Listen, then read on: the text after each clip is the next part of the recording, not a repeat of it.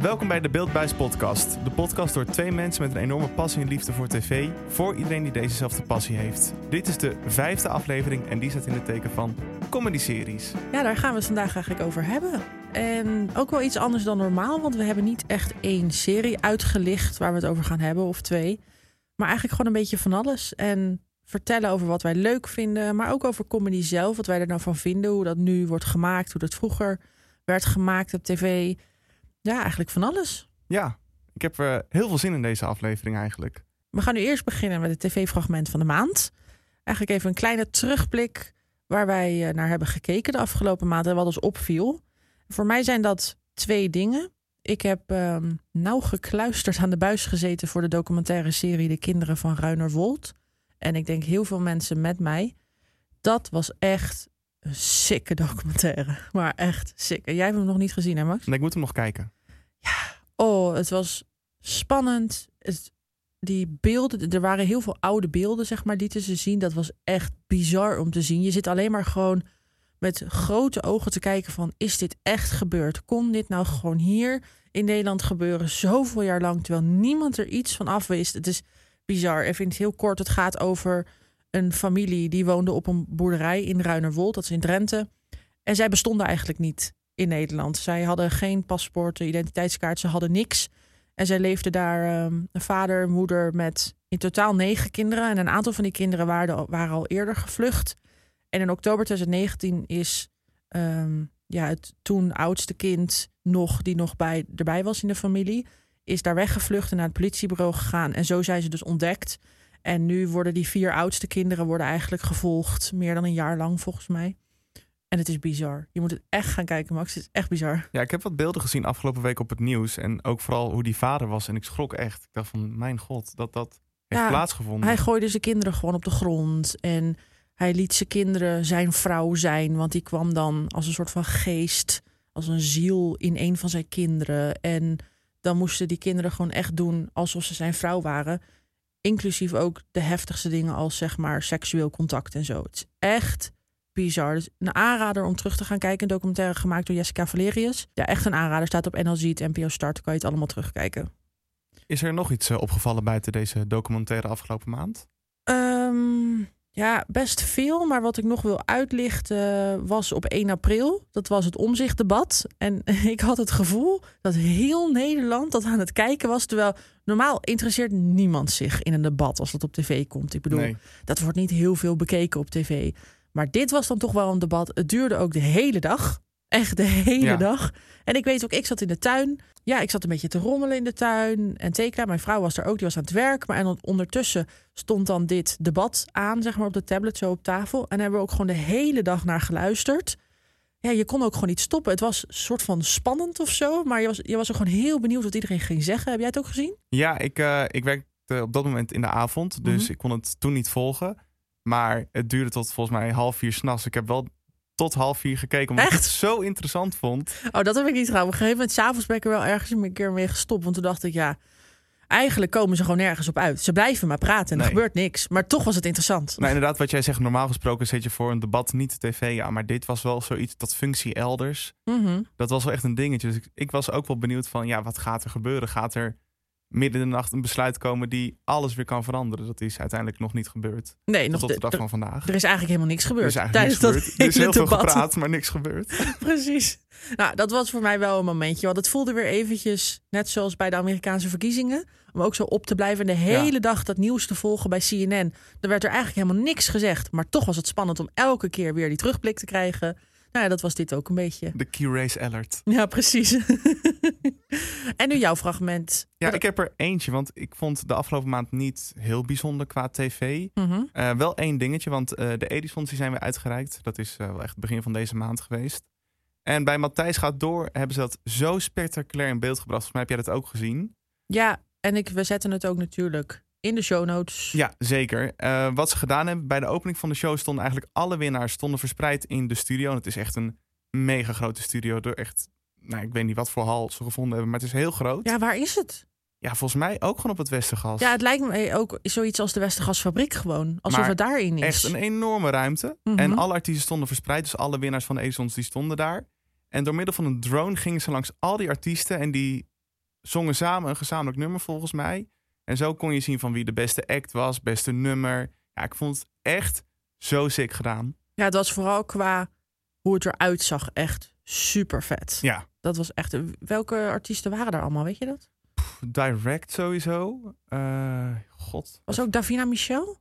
volgens mij niet. Oh, dat dacht ik.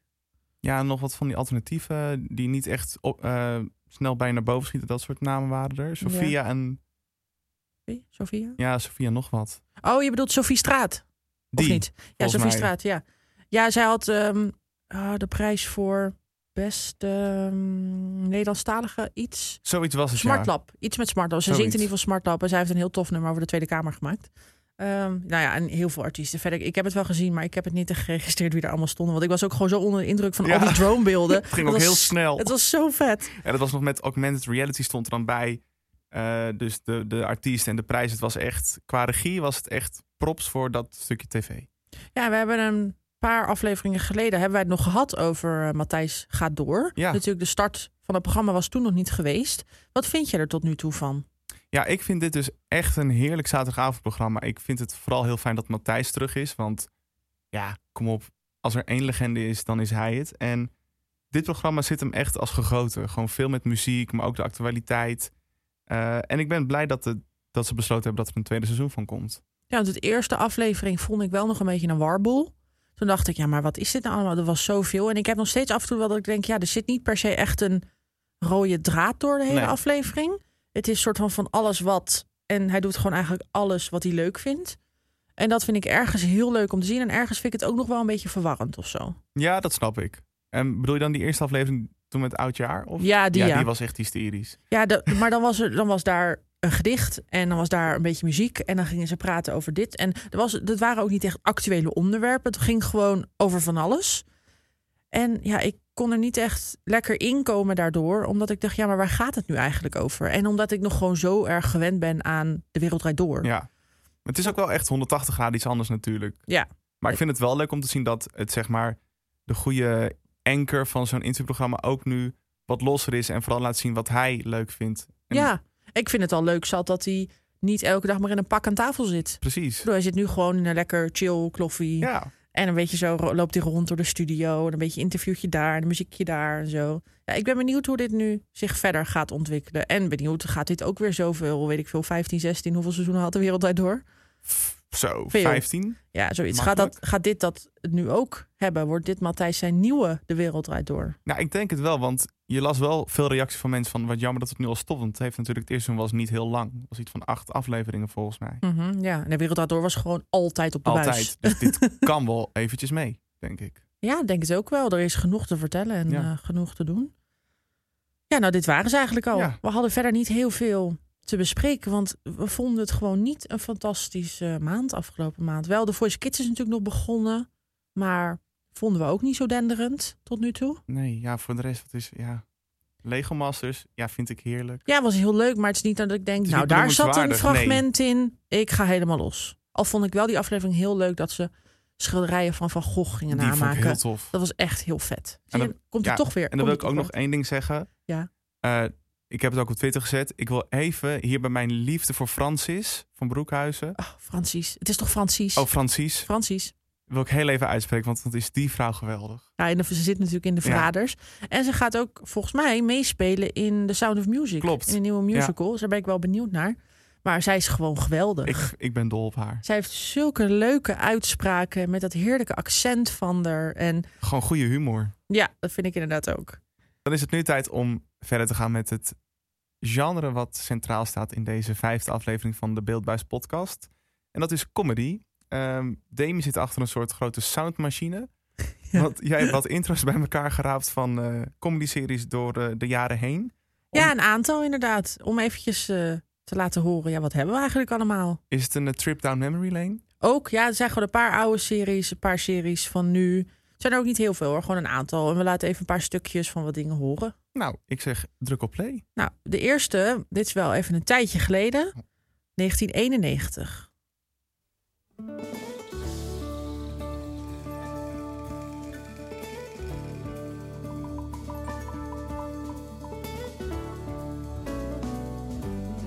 Raad vooral mee welke serie dit is.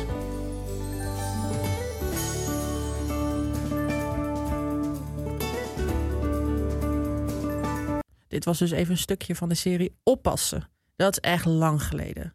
Nou, toen was ik nog niet eens geboren. Nee, ik ook niet. ik heb er wel eens vlagen van gezien, maar niet heel veel. De volgende. Dit is de tune van de nieuwere versie, maar er is ook een hele oude serie hiervan.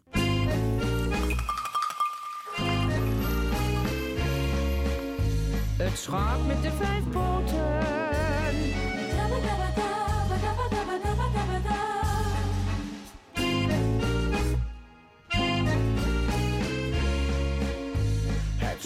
De vijf poten. Dit is ook wel een oudje. Deze, volgens mij, komt uit 2006. Maar die serie daarvoor is ook ergens uit het jaar nul. En dit heb ik wel veel gekeken. In ieder geval de nieuwe versie, de oude niet. Ik heb het niet gekeken, maar als ik het liedjes hoor, klinkt het heel gezellig. Ja, het is, ja, het is heel. We zitten ook zo mee te deinsen meteen. Zo heel oud-Hollands mee te deinsen, omdat we het zo gezellig vinden. Het is met Loes Luca, Pierre Bokma, Mark-Marie Huibrecht. Zitten echt fantastische. Georgina toch ook? Ja, Georgina Verbaan. Er zitten Ja. echt fantastische acteurs in. Ja, het is heel grappig. Het is echt heel grappig. Ehm, ja, nu een serie die is ietsje nieuwer, maar ook niet per se heel nieuw. Maar 2004. En dit is, als je de allereerste aflevering van de Beeldbuis podcast hebt geluisterd... waar wij een beetje onze introductie deden... weet je dat dit natuurlijk mijn allerfavorietste, favorietste, favorietste serie ooit is. En ik hem nog nooit gezien heb. Daar hebben we het niet over. Hij is wel wat ouder, een jaar of twaalf, maar via een advertentie in bezwaar kennen zij elkaar. En dat is helemaal niet raar, doet iedereen, is heel gewoon. Zij had al een dochter en hij had al een zoon. Kinderen geen bezwaar. Een abrupt eind. We gaan hem niet helemaal laten horen, want het zijn allemaal introotjes die echt meer dan 30 seconden duren. Gaan door naar de volgende. Dit is ook weer een heel oudje. En eigenlijk deze en nog eentje die hierna komen, daar gaan we straks nog iets leuks mee doen. Wil Ja. jij alvast even teasen wat dat ongeveer gaat zijn? Nou, we gaan weer een eh, quizje doen aan het einde van deze aflevering. Natuurlijk. Natuurlijk, dat hoort erbij. Eh, en het gaat eh, mede over de twee series die je nu gaat horen. Dit is de eerste.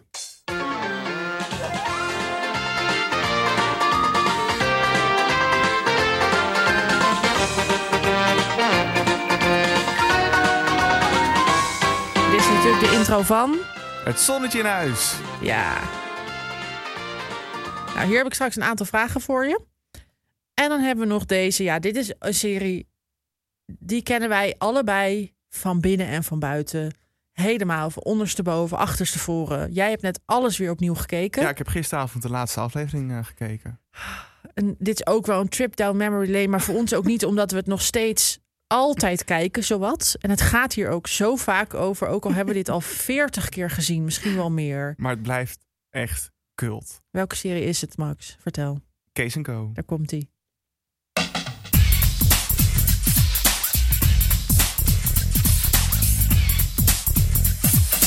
Als ik maar een kans in hele leven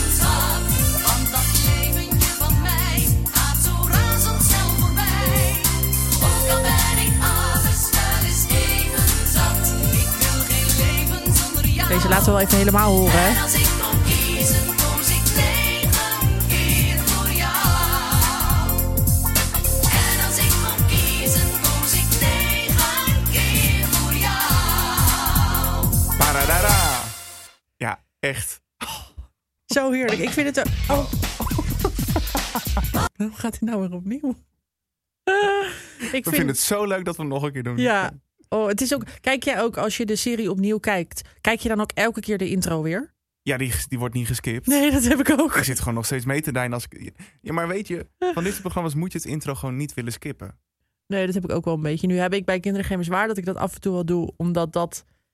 Ja, ik kan die intro... Ik kan hem gewoon naspelen. Ik kan hem mimen. Het is niet normaal hoe goed ik die intro ken. Dus de, ik word, op een gegeven moment word je er ook gewoon een beetje gek van. Maar deze is lekker catchy. Ja, deze is inderdaad ook catchy. En bij die ander, ja, ik weet niet. Dus soms spoel ik het door, soms niet. Hangt een beetje vanaf wat voor bui ik ben. Maar het is zo gezellig. En de beelden ook in de intro zijn ook leuk bij Kees Co. Ja, ik zat van de week het fragment te kijken dat zij bij de bij het televisiegala zong in 2009.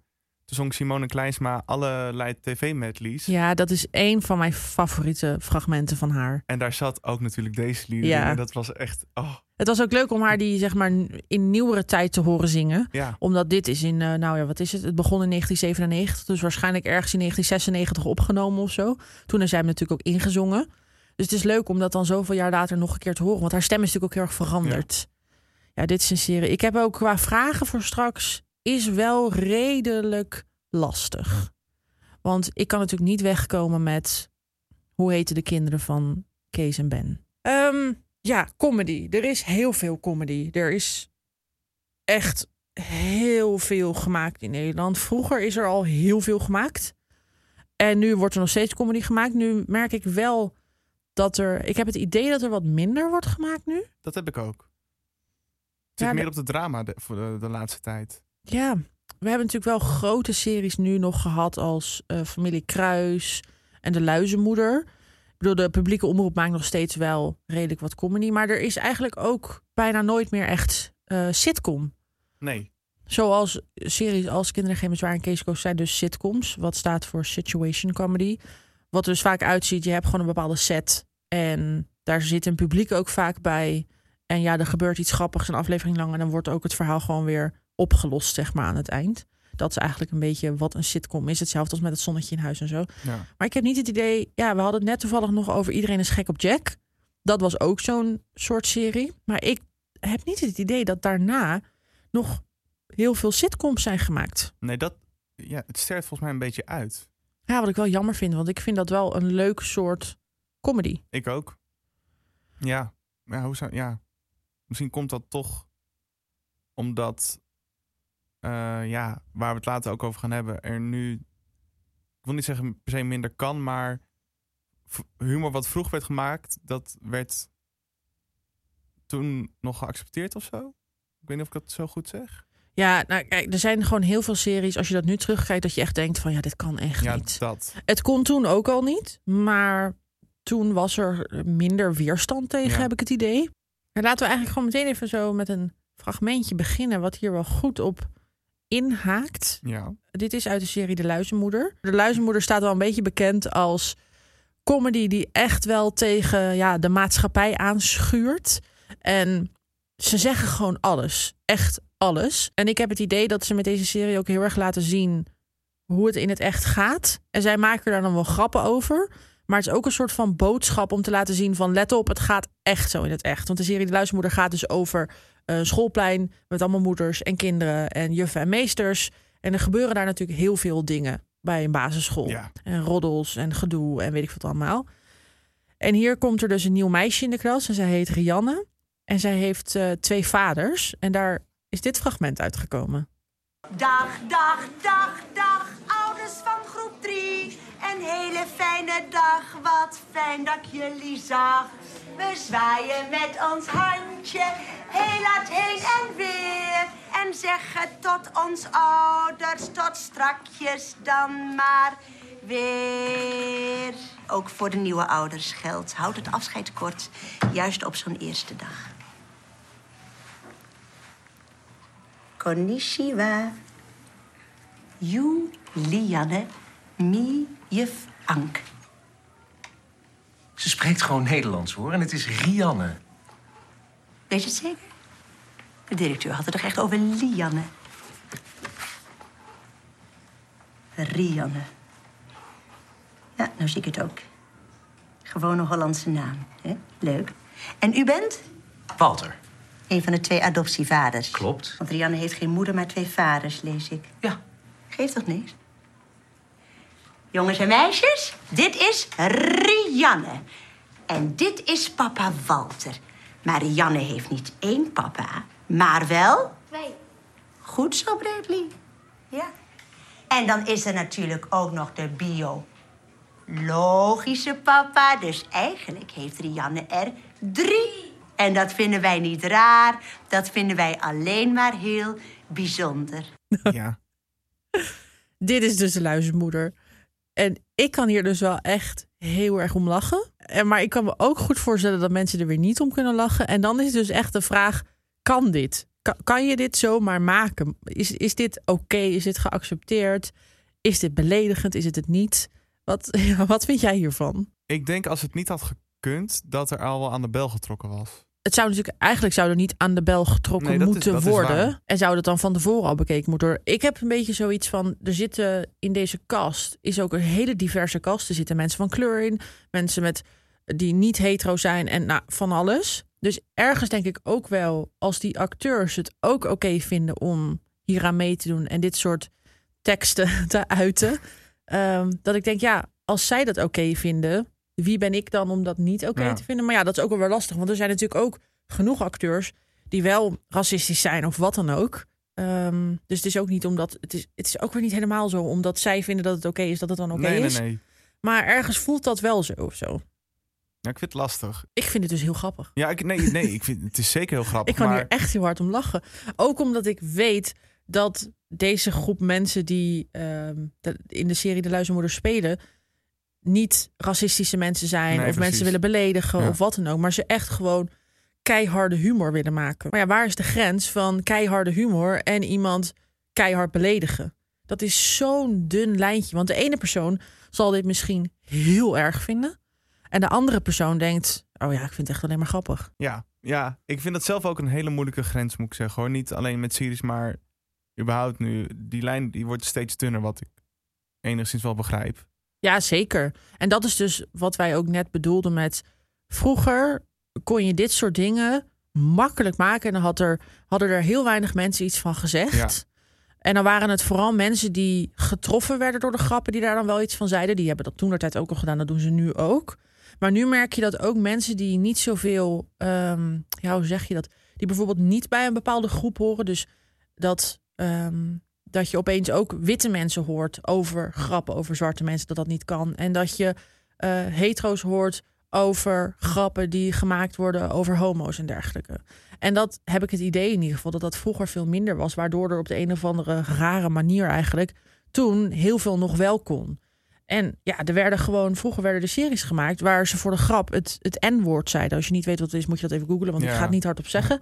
Maar, en dat, dat kan je nu niet meer denken dat dat gebeurt. En ik vraag me best wel af hoe dat, ja, hoe dat zo kan of zo. En ik vind dat het wel het nu goed. niet meer kan of dat het vroeger wel kan. Ja, eigenlijk beide. Ja. hoe het is gekomen dat het nu niet meer kan, wat ik gewoon heel goed vind hoor. Maar ik ben wel benieuwd hoe dat zo is gekomen. Maar ergens natuurlijk ook wel, hoezo kon dat tien of twintig jaar geleden nog wel? Ik denk dat het te maken heeft dat mensen zich nu meer laten horen... en dat er nu ook meer kanalen zijn waar mensen zich laten horen. En dat was vroeger natuurlijk niet. Vroeger moest je een brief schrijven of faxen... en dat, ja, dat verdween in de prullenmand. Maar nu zijn er genoeg wegen om Ja, dat is wel waar. wel ja. je duidelijke mening... en je eerlijke mening te laten horen. En ik denk dat daar gewoon heel erg naar geluisterd wordt. En ik denk dat het alleen maar goed is, want... Ja, inderdaad. Je gooit het gewoon nu op Twitter als je het niet mee eens bent. Precies, en dat wordt dan gezien en mensen gaan daar gewoon achter staan. Ja, en dan nou ja, komen er hashtags en van alles en grote protesten. Wat echt van ergens ook fantastisch is dat dat gelukkig kan. Zeker. Maar ja, dan vraag ik me dus wel af, zo'n serie als dit, kan dit dan nu? Ja. Kan je dit nu maken? Ik heb nog een fragment. Kunnen we daar niet straks een, eh, kunnen we daar niet een polletje van maken? Op onze Ja. socials. Ja, zeker. Nou ja, of gewoon even de vraag stellen. Ja, of de vraag. En dat mensen gewoon inderdaad kunnen reageren. Dat is een goed idee. Laten we dat even in ieder geval op onze Twitter doen. Want natuurlijk, eh, de linkjes staan allemaal gewoon gelinkt hier in de show notes. Maar ik zal even met nog een ehm, Ja. fragment komen. En dat eh, gaat over de andere homovader. de, van ehm, de twee vaders van Rianne. En wat je eigenlijk daar ziet is dat ehm, de ene vader is een witte homoseksuele man... en de andere vader is een zwarte homoseksuele man. En die komt dus later binnen bij een of ander kringgesprek. De ouders hebben een kringgesprek. Hij komt later binnen. En dan gebeurt er dit. Nou, ik denk dat dat wel goed komt. Ga lekker zitten, Karel. Dan is het nu tijd, dames en heren, voor de presentatie waar ik zo hard aan gewerkt heb. Een nieuw begin, een nieuw beleid. Nog een half uur, dan kan er worden schoongemaakt. 30 minutes, please. Then you can clean this classroom. Kom maar zitten, Kenneth.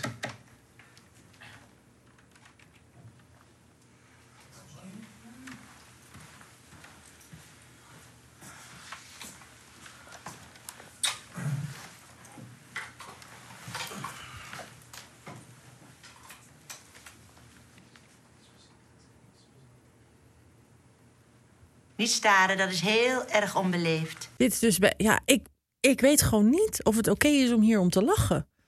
Want ergens denk ik, ik vind het grappig omdat ze laten zien hoe dit gaat. Want dit gebeurt er dus echt nog. Ja, Ook, ja, al deze fragmenten zetten we ook allemaal even in de show notes, zodat je het ook misschien beter kan begrijpen. Want ik snap dat het lastig is als je er nu geen beeld bij hebt wat hier gebeurt. Maar wat ik net ook al zei, ja, er is dus gewoon een zwarte man, de vader van een van die kinderen die daar staat. En hij wordt gezien als schoonmaker van het klaslokaal. Wat natuurlijk erg, het is heel erg, want het is iets wat inderdaad nog gebeurt. Maar ze verpakken het dan weer een soort van in humoristische wijze. En omdat ik weet dat, het, dat zij het schrijven, omdat zij dat soort erge dingen juist willen laten zien in een, op een grappige manier. Omdat het dan, ja, mensen willen het dan meer zien of zo. Die ja ze het, bedoelen het niet om... Te meer- kwetsen. nee, dat. Nee, ze willen juist laten zien wat er gebeurt. En als je dat op een humoristische manier brengt, denk ik dat meer mensen dat ja, leuk, tussen aanhalingstekens, vinden om te zien. Dan als je het keihard brengt. Terwijl ik ook soms denk, ja, je moet het gewoon keihard brengen, omdat het anders niet binnenkomt. Ja. Maar goed, dit is hun manier van het laten zien. Ja, wat, wat vind jij hiervan? Ik vind het altijd lastig om de goede woorden te vinden bij, bij, bij dit onderwerp. Maar ik denk Maar inderdaad... dat is oké. Ik bedoel, we leren allemaal. En als, er, als je iets zegt waarvan ik denk, oh, dat moet je niet zeggen, dan zeg ik dat wel. Dat is natuurlijk ook helemaal niet erg. Ik denk wel, wat jij zegt, dat ik daar achter sta. Het is niet bedoeld om die mensen in een kwaad daglicht te zetten. Ik- Nee. het is vooral bedoeld om te laten zien van jongens, dit gebeurt gewoon. Eh, alleen wij willen dat op een humoristische manier aan het daglicht stellen. En hebben niet de intentie om nog meer die groep van de samenleving in een hoekje te zetten. Maar willen juist eh, die groep eh, ja, Ja, wel laten zien. wel laten zien. Ja. Ja, en, en bij dit fragment denk ik dan ook weer, ja, hij, de acteur is natuurlijk ook een zwarte acteur. Dan denk ik, ja, als hij dit echt verschrikkelijk had gevonden, dan had hij dit toch ook niet gedaan, denk, Dat denk ik dan. niet. Maar ja, nogmaals, dat is ook weer een lastige maatstaaf. Omdat, ja, misschien vindt hij het allemaal niet boeiend en boeien hem al die grappen niet. En voor andere mensen natuurlijk wel. Ja, ik vind dit ook wel, dit soort dingen zijn inderdaad goed om eens te vragen aan onze luisteraars online. Om gewoon eens te kijken hoe dit leeft. Dit zijn hele moeilijke onderwerpen. Hele want moeilijke. je kwetst mensen gewoon. Kun, je kan mensen gewoon heel Ja. erg veel kwetsen. En dat wil je gewoon niet. Dat wil ik ook niet. En ik wil ook niet met wat ik nu zeg. En wil ik ook geen mensen kwetsen. Dat wil ik wel. Nee, en jij ik ook, niet. Zeker niet. Nee, en dat wil- moeten we wel even duidelijk hebben. Dat wij weten het ook gewoon niet zo goed. En nou ja, als ik voor mezelf spreek, ik ben, zit gewoon in een makkelijke positie dat ik wit ben. Dus Ja. over dit soort dingen is het weer moeilijk. Maar ja, ik ben wel eh, getrouwd met een vrouw. Dus dat is dan weer, eh, zit ik in die hoek, zeg maar. in dat kamp. Ehm, ja, en ik zelf heb dus totaal geen moeite met mensen die grappen maken over homo's of lesbiennes of wat dan ook. Maar ja, dat ben ik natuurlijk. Dus ik Ja. kan ook echt alleen maar voor mezelf spreken dat ik het enigszins makkelijk heb in deze wereld. Dus ja, het is vooral, we willen niemand kwetsen ermee. Maar wij, proberen ook een beetje de woorden te vinden. We hebben dit ook expres ook niet van tevoren met Nee. elkaar besproken. Nee. Juist omdat ik het wel interessant vind om een beetje zo, nou ja, te ratelen en te kijken van wat, ja, om dit te omschrijven. Want het is moeilijk om te omschrijven. En ik denk dat het fijner is om dat proces zo een beetje door te gaan dan dat je dit van tevoren allemaal al op papier hebt. Ja, ben ik het mee eens. Ja, wat kan er nog anno 2021? Dat is voor Ja, heel veel niet. heel veel niet. Maar dat is wel een interessante vraag voor programmamakers. Ja, dat denk ik ook wel. Want je merkt ook gewoon dat niet alleen in comedy, maar ook in ander soort series. Dat het gewoon, het gaat er allemaal anders aan toe. Je- Ja. Je, kan gewoon heel veel niet meer zeggen. En heel veel niet meer doen. En dan is ook de vraag die, ja, en dat zie ik wel ook vaak online voorbij komen. Tot in hoeverre moet je je iets aantrekken van wat andere mensen vinden? Mag je grappen maken over alles? Dat is ook zo'n vraag die Ja, je vaak voorbij ziet komen. Vooral bijvoorbeeld na momenten als de oudejaarsconferentie en zo op 31 december. Dan komt er altijd weer, wel weer een vraag online van... kan je over alles grappen maken? Is dat oké? Is Ja. die grap oké? Hetzelfde, nou ja, we hebben het recent natuurlijk meegemaakt... met Martijn Koning. Ja, Bij, was bij Bo, toch? Jinek. Oh, bij Jinek. Ehm, die had ja, een of ander praatje over Thierry Baudet. En daar zei hij nog wat, eh, nogal wat harde dingen. En hij betrok ook zijn familie erbij. En nou ja, heel veel mensen vonden dat dat absoluut niet kon. En heel veel mensen zeiden ook, ja, wat zeur je nou? Hij is comedian van beroep. Ja. Het is zijn beroep, dus hij mag dit in principe gewoon doen. Ja, ik vind dat zo lastig. Ja, het, het vergrootglas wordt echt met de dag groter op dit soort dingen. Ja. Ja, en ik weet ook niet... Ik vind dat niet erg op zich. Ik ook niet. Ik vind wel dat mensen zich moeten aanpassen. Ehm, Maar ik vraag me af of je met alles rekening kan houden. Dat vind ik ook zoiets heel moeilijks. Want dat wil ik dus heel graag. Maar het lijkt mij niet dat ik dat in mijn leven 100% goed kan doen. Ik denk dat niemand dat kan. En ik denk Nee. ook niet als je dat met programma's gaat doen, dat programma's daar heel erg van, profijt van gaan hebben. Nee, ik denk gewoon niet dat het. Er zullen misschien mensen zijn die dat doen hoor. En als je dat doet, fantastisch. Ja. Maar ik denk ook dat als je iets minder doet, dat dat ook heel goed is. Zelfs een beetje, nou even een ander voorbeeld. Bijvoorbeeld met ehm, geen vlees eten. Ja. Je hebt natuurlijk heel veel mensen die zeggen: nee, je moet nooit vlees eten. Je moet nooit leer dragen. Je moet nooit dit, nooit dit, nooit dit. Maar het is fijner als 100 mensen één dag per week geen vlees eten, dan dat één iemand drie weken geen vlees Precies. eet. Weet je wel? Eens. Zoveel kleine dingen kunnen helpen. En dan denk ik met dit soort dingen ook. We moeten ons blijven uitspreken Ja. over dit soort humor. Maar we moeten ook soort van opletten, denk ik, dat we niet alles opeens meer gaan verbieden. Nee, want dan eh, stort de creatieve sector echt wel. eh, Ja, en, maar dat vind ik dus wel een heel moeilijk iets. is en het ook? ja, misschien nog wel een goed idee om hier een keer.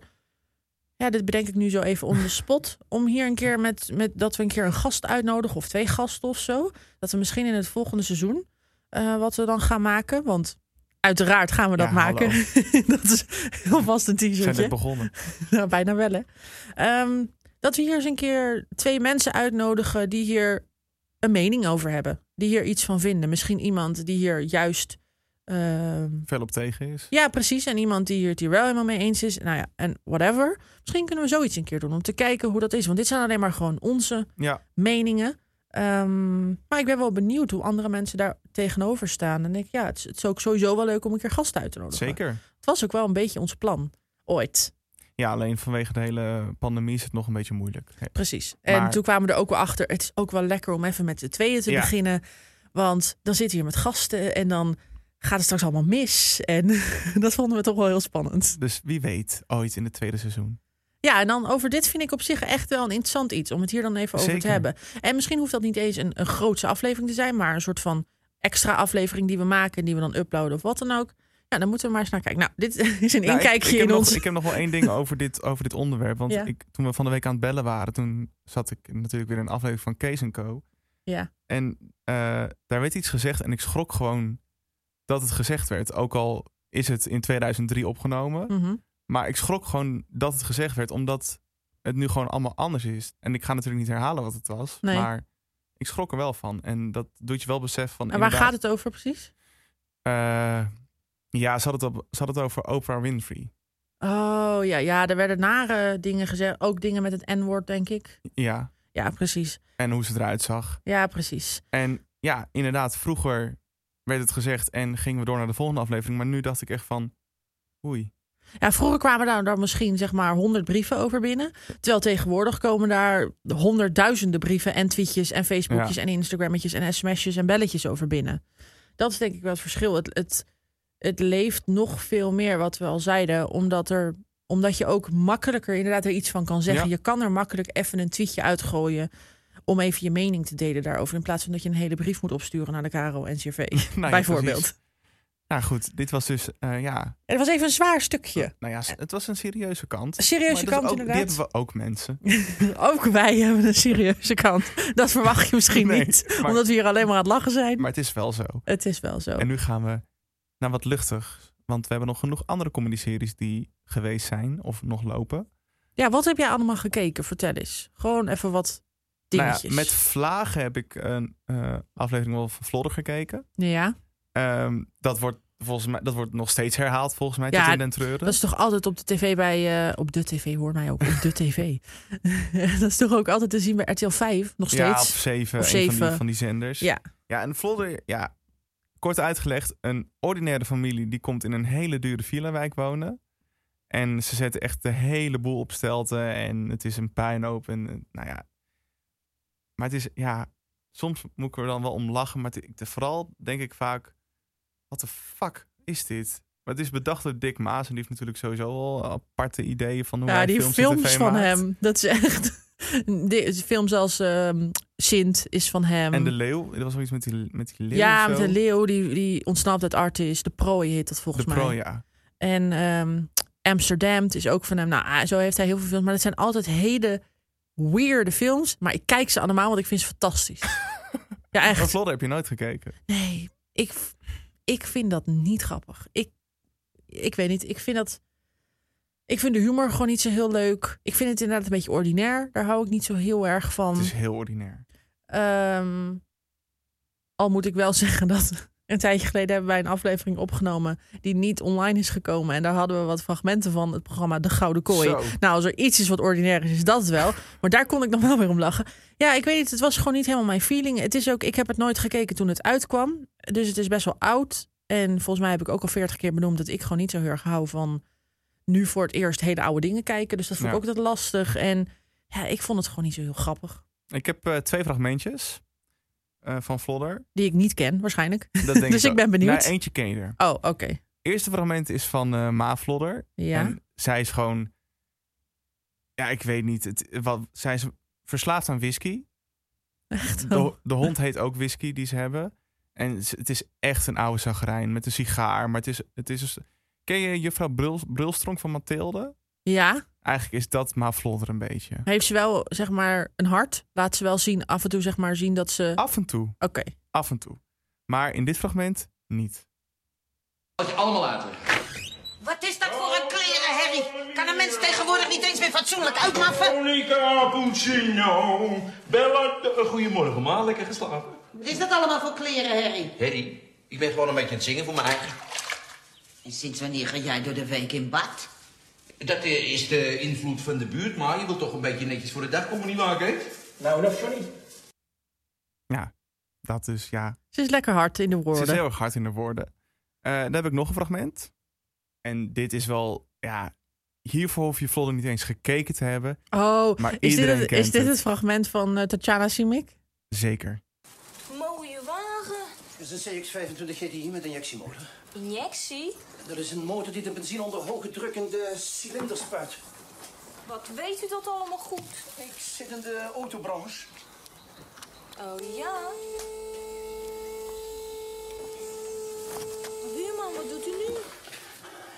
Ja, Ja. dit ken ik ook. Ja, dit kent iedereen. En dit is, volgens mij is zij hier wel echt bekend mee geworden, toch? Tatjana Simic? Met deze serie. Ja, ja, ja, dit was echt haar doorbraak. Ja. Ze stond heel snel hierbij op de Playboy. En eh, ja, Alles. haar rol in de serie werd wel heel erg eh, uitgemolken. Ja, vind je? Nou ja, zeg maar in an- op, op andere media eh, Oh. platformen. Ja, dit fragment, inderdaad, dit kent ook echt iedereen Ja. volgens mij. Dit is zo bekend. Ja, en zij liep er altijd rond met te korte dingen en de tieterde altijd uit en dat soort dingen. Op zich vind ik te kort vind ik niet echt bestaan. Want ja, als je dat aan wil doen, moet je Ja. het aan doen natuurlijk. Maar ik snap je punt. Dat soort pakjes. En het, dat wa- het waren hele heftige pakjes wat, Ja. waarbij je alles kon zien, zeg maar. Ja, Maar ja, ook dit fragment, ik ken het en ik vind het wel grappig. Maar ik vind het niet dat ik denk, ik lach me kapot. nee, heb ik ook niet. En dat heb ik dus niet. bij Vlodder, ik lach me niet kapot. En ik wil bij comedy, wil ik me wel kapot lachen. Nee, dat is waar. Dat is waar. Maar eh, ja, ik, het is wel een van de meest iconische comedy-series. Dus ik dacht, ik moet hem wel even benoemen. Ja, nou, en er zijn er echt heel veel. Ik bedoel, we hebben series als AAF gehad Ja. op RTL 4. Ehm, zoiets als All Stars, waar natuurlijk een oud seizoen van is. En films. En ook een nieuw seizoen van is gemaakt. Dat is natuurlijk ook comedy. Zeker. En dat is ook echt een... Ja, dat vind ik ook wel een soort van semi-drama, maar vooral comedy. Maar er zit echt wel een lange verhaallijn in en zo. Ja, dat vond ik ook heel leuk. Die films vond ik ook geweldig. Ehm, ja, je hebt ook series als Sprint gehad. En Single. Dat is weer, dat noemt Max altijd mijn oh, typische net 5 series. Het is wel waar. Het was ook een net 5 serie. Maar ik hou gewoon heel erg van typische net 5 series. Zoals Single en De Co-assistent en Verborgen Gebreken en weet ik wat allemaal. maar daar pest Max mij altijd mee. Eh, ja, wat hebben we nog meer? Nou ja, Luizenmoeder natuurlijk. Costa. Zo. Heb je dat gekeken? Nee, dat is wel echt langs me heen gegaan. Oh, dat, ja, dat, daar kwam ik toch wel, nou, daar kwam ik niet per se achter. Maar ik keek dat vroeger en toen wist ik nog niet echt dat ik eh, op vrouwen val. En toen op een gegeven moment was daar Costa de film en toen zag ik ehm, Katja Schuurman die opeens met een vrouw daar ging zoenen in de zee. En toen dacht ik, oh, oké. En toen ben ik dat helemaal fragment weer vergeten. Dat heb ik later nog wel eens terugzien. Toen dacht ik, oh ja, toen had ik waarschijnlijk al wel ergens een idee of zo. En nou ja, whatever. In ieder geval, dat was een leuk fragment. Ehm, maar dat vond ik ook een fantastische serie. En films. En daar zijn ook weer, daar had je ook Pista. Ja, je, je had Costa. Is Dat- Pista een spin-off? Nou ja, niet echt een spin-off, dat was een film. Je had eh, vier seizoenen Costa en de film Costa. Costa, de film, zo heette die ook. Ja. En daar had je op een gegeven moment ook een winterversie van. En die heette dus Pista, want dat was op de pistes. Ja, en, ze- ja. en je had natuurlijk films als Volle Maan en zo. Die hoorden ook een beetje in dat segment. Maar daar zijn echt de mensen doorgebroken zoals Vincent Kersenovic, Daan Schuurmans, toch? Ja, en nou ja, Katja zat daarin, Georgina zat daarin. Wie zat daar niet in? Kurt Rogier zat daarin. Vind ik Oh, wel- jezus. nu natuurlijk Lego Masters. Ja. Eh, en onze gedeelde liefde, Spoed. Jij hebt dat toch ook gezien? Of is dat niet onze gedeelde Spoed? liefde? Oh, dat heb je nooit gekeken? Wat is spoed? Ken jij Spoed niet? Oh, het is, dat is een Vlaamse serie. Het is een ziekenhuisserie. En dat is toch op een tijdje geweldig. Ik, weet, ik heb het niet zo op Vlaamse series. Maar er zijn er twee die ik tot in den treuren heb gekeken. Namelijk Spoed. En Wat denkt u thuis, dames en heren? ik ben even de naam vergeten. Nou ja, de Pfafs. Sorry, Ah, ik kwam even niet op de achternaam. ja, maar de vast heb ik ook gekeken. Ja, oh, is ook zo. Ja, het is geen comedy, maar het is fantastisch. Fantastisch. oh, ja, daar gaan we het ooit nog een keer over hebben. Ehm waar had ik het eigenlijk over? Ik ben nu alweer kwijt. Oh ja, Costa. Costa. Ja, iedereen is daar inderdaad in doorgebroken. Oh ja, Kurt Rogiers. Nou, zat ook in spoed. Nevermind. Misschien een keertje kijken. Ja, wat hebben we nog meer? Dr. Tinus. Oh, dat heb ik echt nooit. Dat, dat trok ik niet. Wat heb jij wel gekeken? Vertel. Wat hebben we nog meer? het zonnetje in huis. Oh. Ja. Dat heb jij gekeken. ja, dat vond ik dus wel echt leuk. Ja, dat heb ik dan weer heel veel minder gekeken. Want dat vond ik gewoon, dat ik dacht, ja, is oké, maar ook weer niet helemaal mijn tijd. Kijk, als je het Zonnetjehuis eh al die seizoenen naast elkaar zou leggen, dan is in al die seizoenen er één rode draad. De vrouw van Piet, Johnny Kraaienkamp senior, is overleden. Daar begint het, eh, de serie mee. En hij wil terug bij zijn zoon gaan wonen. Maar Johnny Kraaienkamp junior is eh, in de serie getrouwd met ehm Catharina, Ja, gespeeld door Martine Bijl. ja. En die wonen samen. Maar zijn vader wil weer bij, bij een intrek en dat gebeurt. Oh, en dat willen zij natuurlijk eigenlijk niet. Dat willen ze niet, maar negen seizoenen lang proberen ze hem het huis uit te werken. En dat is eigenlijk een beetje de rode draad over die seizoenen heen. En ja, ik heb even één fragmentje uitgezocht. Want ik heb het soms wel te doen gehad met, eh, met Johnny. Ook al is het een gespeeld karakter. Maar het ging er soms wel hard aan toe. Komt en we kunnen nou niet maken om niet te komen. Ja, nou, ik- het-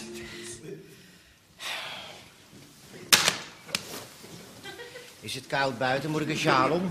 Ik kan wel meegaan in plaats van Erik. Kijk, dat is best een heel goed idee. Ik kan hem ook uit de auto gooien op de afsluitdijk. Dat is ook een goed idee. Ja, ik, ja, dit soort dingen. Ze hadden echt, ja, een hekel is misschien een groot woord, maar ze wilden gewoon echt van hem af.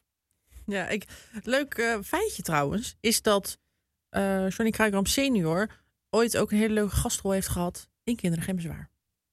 Ja, leuk feitje. Hij speelde een man die het niet helemaal goed meer wist. En die een beetje vergeetachtig was geworden. Die stond opeens op de stoep. En er zit er zat bij Kinderen Geen Bezwaar altijd publiek. Waar ik zelf ook een aantal keer, ik ga niet zeggen hoe vaak, onderdeel van ben geweest. Ehm, en toen hij ook binnenkwam op de set, was het publiek ook keihard aan het klappen. En dat hoor je ook in de uitzending. En dat vind ik heel leuk dat ze dat soort dingen dan ook in de serie hebben gelaten. Want ja, hij is natuurlijk wel een soort van de comedy-legende. Absoluut. Hij, hij is het. Ja, Want hier, ja, soort van het zonnetje in huis was zo bekend. En ik wil niet zeggen dat het hiermee is begonnen, want dan doe je het niet aan alles wat daarvoor is geweest. Maar ja, de- hij is het. ja, het was zeg maar, als je hem nog niet kende, dan kende je hem nu wel. Ja, zonnetje in precies. Ja, precies. Ja. Ja, en ik vond het samenspel gewoon heel leuk. Dat ze iedere keer een plan bedachten om hem het huis uit te werken. Maar toch kwam hij altijd weer terug. En ook tussen vader en zoon, wat ook in het echt vader en zoon was, vond ik gewoon wel ja, interessant. Ja, en is, is, is hij ooit het huis uitgegooid? Nee. Oh, het is nooit gelukt. Het is nooit gelukt. Oké. Oh, ik ben ook benieuwd eh, hoe je de quiz straks vindt. Ja, ja daar gaan we zo straks eh, gaan we dat doen. Ja, want we hebben nog volgens mij twee series te bespreken. En dat zijn series die we allebei gekeken hebben. Eh, vertel. Familie Kruis. Ja, familie Kruis. Dat, Ja. is toch, dat was wel weer even een pareltje op de Nederlandse tv. In ieder geval voor ons. Vijf seizoenen lang. Ja. Bedacht, gemaakt door de persoon die alles bedenkt en maakt wat goed is. Namelijk Linda de Mol. Geregisseerd door iemand die al haar series regisseert. Wil Koopman. Ja.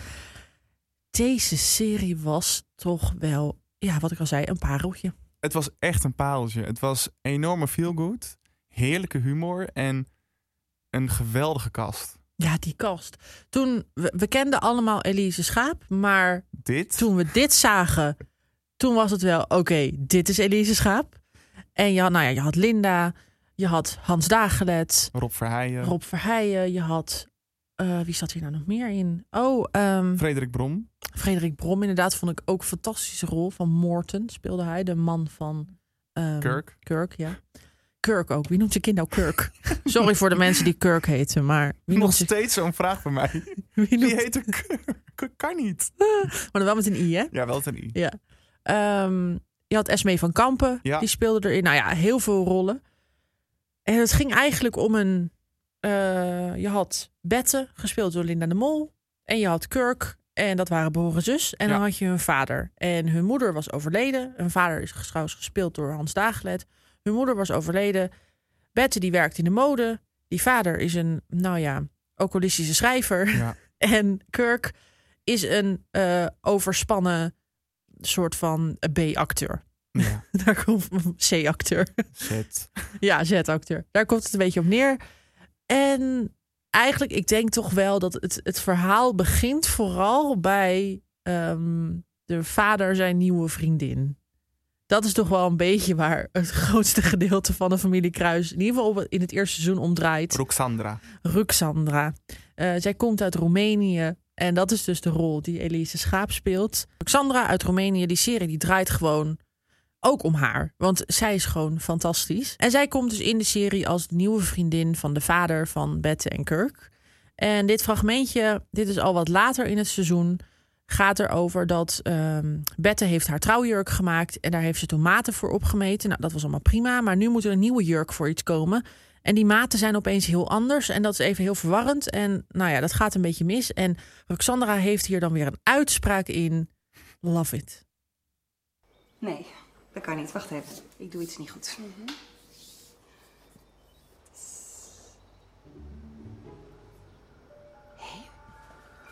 Wat is in die hand? Nou, daar is ineens 8 centimeter bijgekomen. Dat kan natuurlijk niet. Wacht even.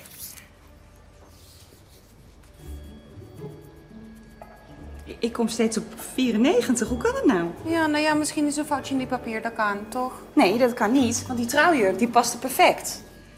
Ja. Dus Ja. Nou ja, dit is mijn ene borst. Dit is mijn andere borst. Het zijn samen mijn twee borsten. ja, die is klaar als een kloont, toch? Ja. Het is klaar als een kloont. Het is meer in de borst. Dit is mijn andere borst. Samen zijn met twee borsten. Zo klaar als kloont. Nou, dit is dus Roxandra. En ik vind echt... Hebben we een applausje die we kunnen instarten of moeten we het zelf doen? Even zelf. Oké. Applausje voor Elise Schaap. Ja.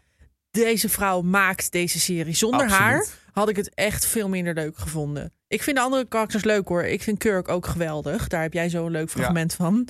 Maar deze vrouw... Bizar wat zij allemaal kan. Nou, ja, ook door deze serie heeft zij het volgens mij nog drukker gekregen. Ja, sowieso. Echt 100% Want Ja. zij wordt overal voor gevraagd voor elke stem en wat dan ook. Natuurlijk de tv-kantine, Ja. waar ze dit nu eigenlijk aan de lopende band doet. Ja, ik vind het geweldig dat ze daar nu in speelt ook. Ja, en de verbastering van de Nederlandse taal, die zij zo goed en gewoon echt overweldigend. Maar gewoon, het lijkt wel echt, alsof ze echt uit Roemenië komt. Dat, ze kan dat zo goed overbrengen. Ik vind dat echt heel knap. Ja, ik vind het ook heel knap. Ja, ik, ik kan dit niet. Nee. Nee, we kunnen dit allebei niet. We kunnen het heel leuk na gaan doen, maar... Nou, en hier zijn heel veel leuke fragmenten van ook. En die hele serie eh, staat volgens mij allemaal op Videoland. Zeker. Dat is ook echt wel een, even een aanradertje om te kijken. En het blijft ook vijf seizoenen lang wel echt heel erg leuk. Ja. Soms heb ik bij series dat ik denk, nou, bij seizoen drie of vier van, nou ja, dit seizoen vind ik dan minder. Maar ik vond dit alle seizoenen leuk. En er zit elke aflevering humor in. En wat best wel een, nou ja, bijzonder wil ik niet zeggen, maar iets is wat opvalt, is dat natuurlijk in elke aflevering zit een BN'er. Ja, omdat zij natuurlijk stylist van de sterren is. Ja, Beth is inderdaad stylist van de sterren. En dan komt er elke aflevering wel iemand langs. Ja, we hebben echt iedereen gehad. Mensen als Mike de Boer zaten Hans Klok. Hans Klok. Art. Art Royakkers. Ja, echt van alles. Ehm, en jij hebt dit ook helemaal gezien, hè? Ja, en voordat we naar dat eh, fragmentje van Kirk gaan, is het ook nog leuk te benoemen dat wij ooit eh, naar RTL mochten in de Videoland bioscoop om daar de eerste drie afleveringen te kijken van seizoen weet ik veel. Ja, ik was het helemaal vergeten. Nee, maar ja. inderdaad. Ja, inderdaad. Wij hadden, ik had meegedaan aan een prijsvraag. Ja. Ik weet niet meer wat voor prijsvraag. Iets. Ik had iets gedeeld op Facebook. Of nou, ik moest iets doen. En toen won ik inderdaad dat ik met iemand de eerste drie afleveringen, volgens mij van het tweede seizoen van Familie Kruis, ehm, mocht gaan kijken in de bioscoop in het gebouw bij RTL hier in Hilversum op het Mediapark. Ja, het was echt zo leuk. Ik had echt een topdag. Ja, we werden overladen met snacks. We konden overal popcorn en weet ik veel wat allemaal pakken. En we kregen drinken en we kregen een goodiebag. Ja. Ehm, ja, dat was zo leuk. En het was ook echt leuk om op groot scherm even deze drie afleveringen te kijken. Ik heb zo daarna, toen, dus, toen het seizoen begon, ook gewoon weer allemaal opnieuw Tuurlijk. gekeken. Ja, dat was inderdaad een hele leuke ervaring. Ja, en dan heb ik nu het laatste fragmentje van eh, de familie Kruis. En dat is dan eh, van Kirk en Bette. En zoals Damian aan het begin zei, Kirk is een beetje een setacteur. Wat ik overigens heel leuk vind, is dat hij, eh, als je het door hebt, refereert ook naar zijn rol die hij in GTST had af en toe. Want hij, eh, Rob Vrij heeft ook in GTST gespeeld. En dat laat hij soms een beetje doorschemeren in de familie Kruis. Ja, als het broertje van Benjamin. Ja. En eh, nou ja, als Kirk problemen heeft, dan wil hij graag bij iemand praten. En als diegene dan advies wil uitbrengen of dat soort dingen, die wil hem dan helpen. Maar als het om Kirk gaat, dan gaat het ook echt alleen om Kirk. Ik ben gewoon zo alleen en het spoelt de hele avond zo over me heen. Ik weet precies wat je bedoelt. Ik bedoel, Morten is alleen maar met die ruks bezig en die hebben het helemaal leuk en dat zie ik ook de hele tijd. En, en ondertussen zit ik alleen met papa en het is eigenlijk zo pijnlijk voor me. Ja, ja natuurlijk. Ik bedoel, het is dan ineens zo in my face dat ik ben wie ik ben. En jij bent ook al boos op me omdat ik ben wie ik ben. Waar, waar heb je het over? Het is toch zo? Omdat ik mensen niet wil kwetsen, daarom ben je boos op me. Daar ging het toch over?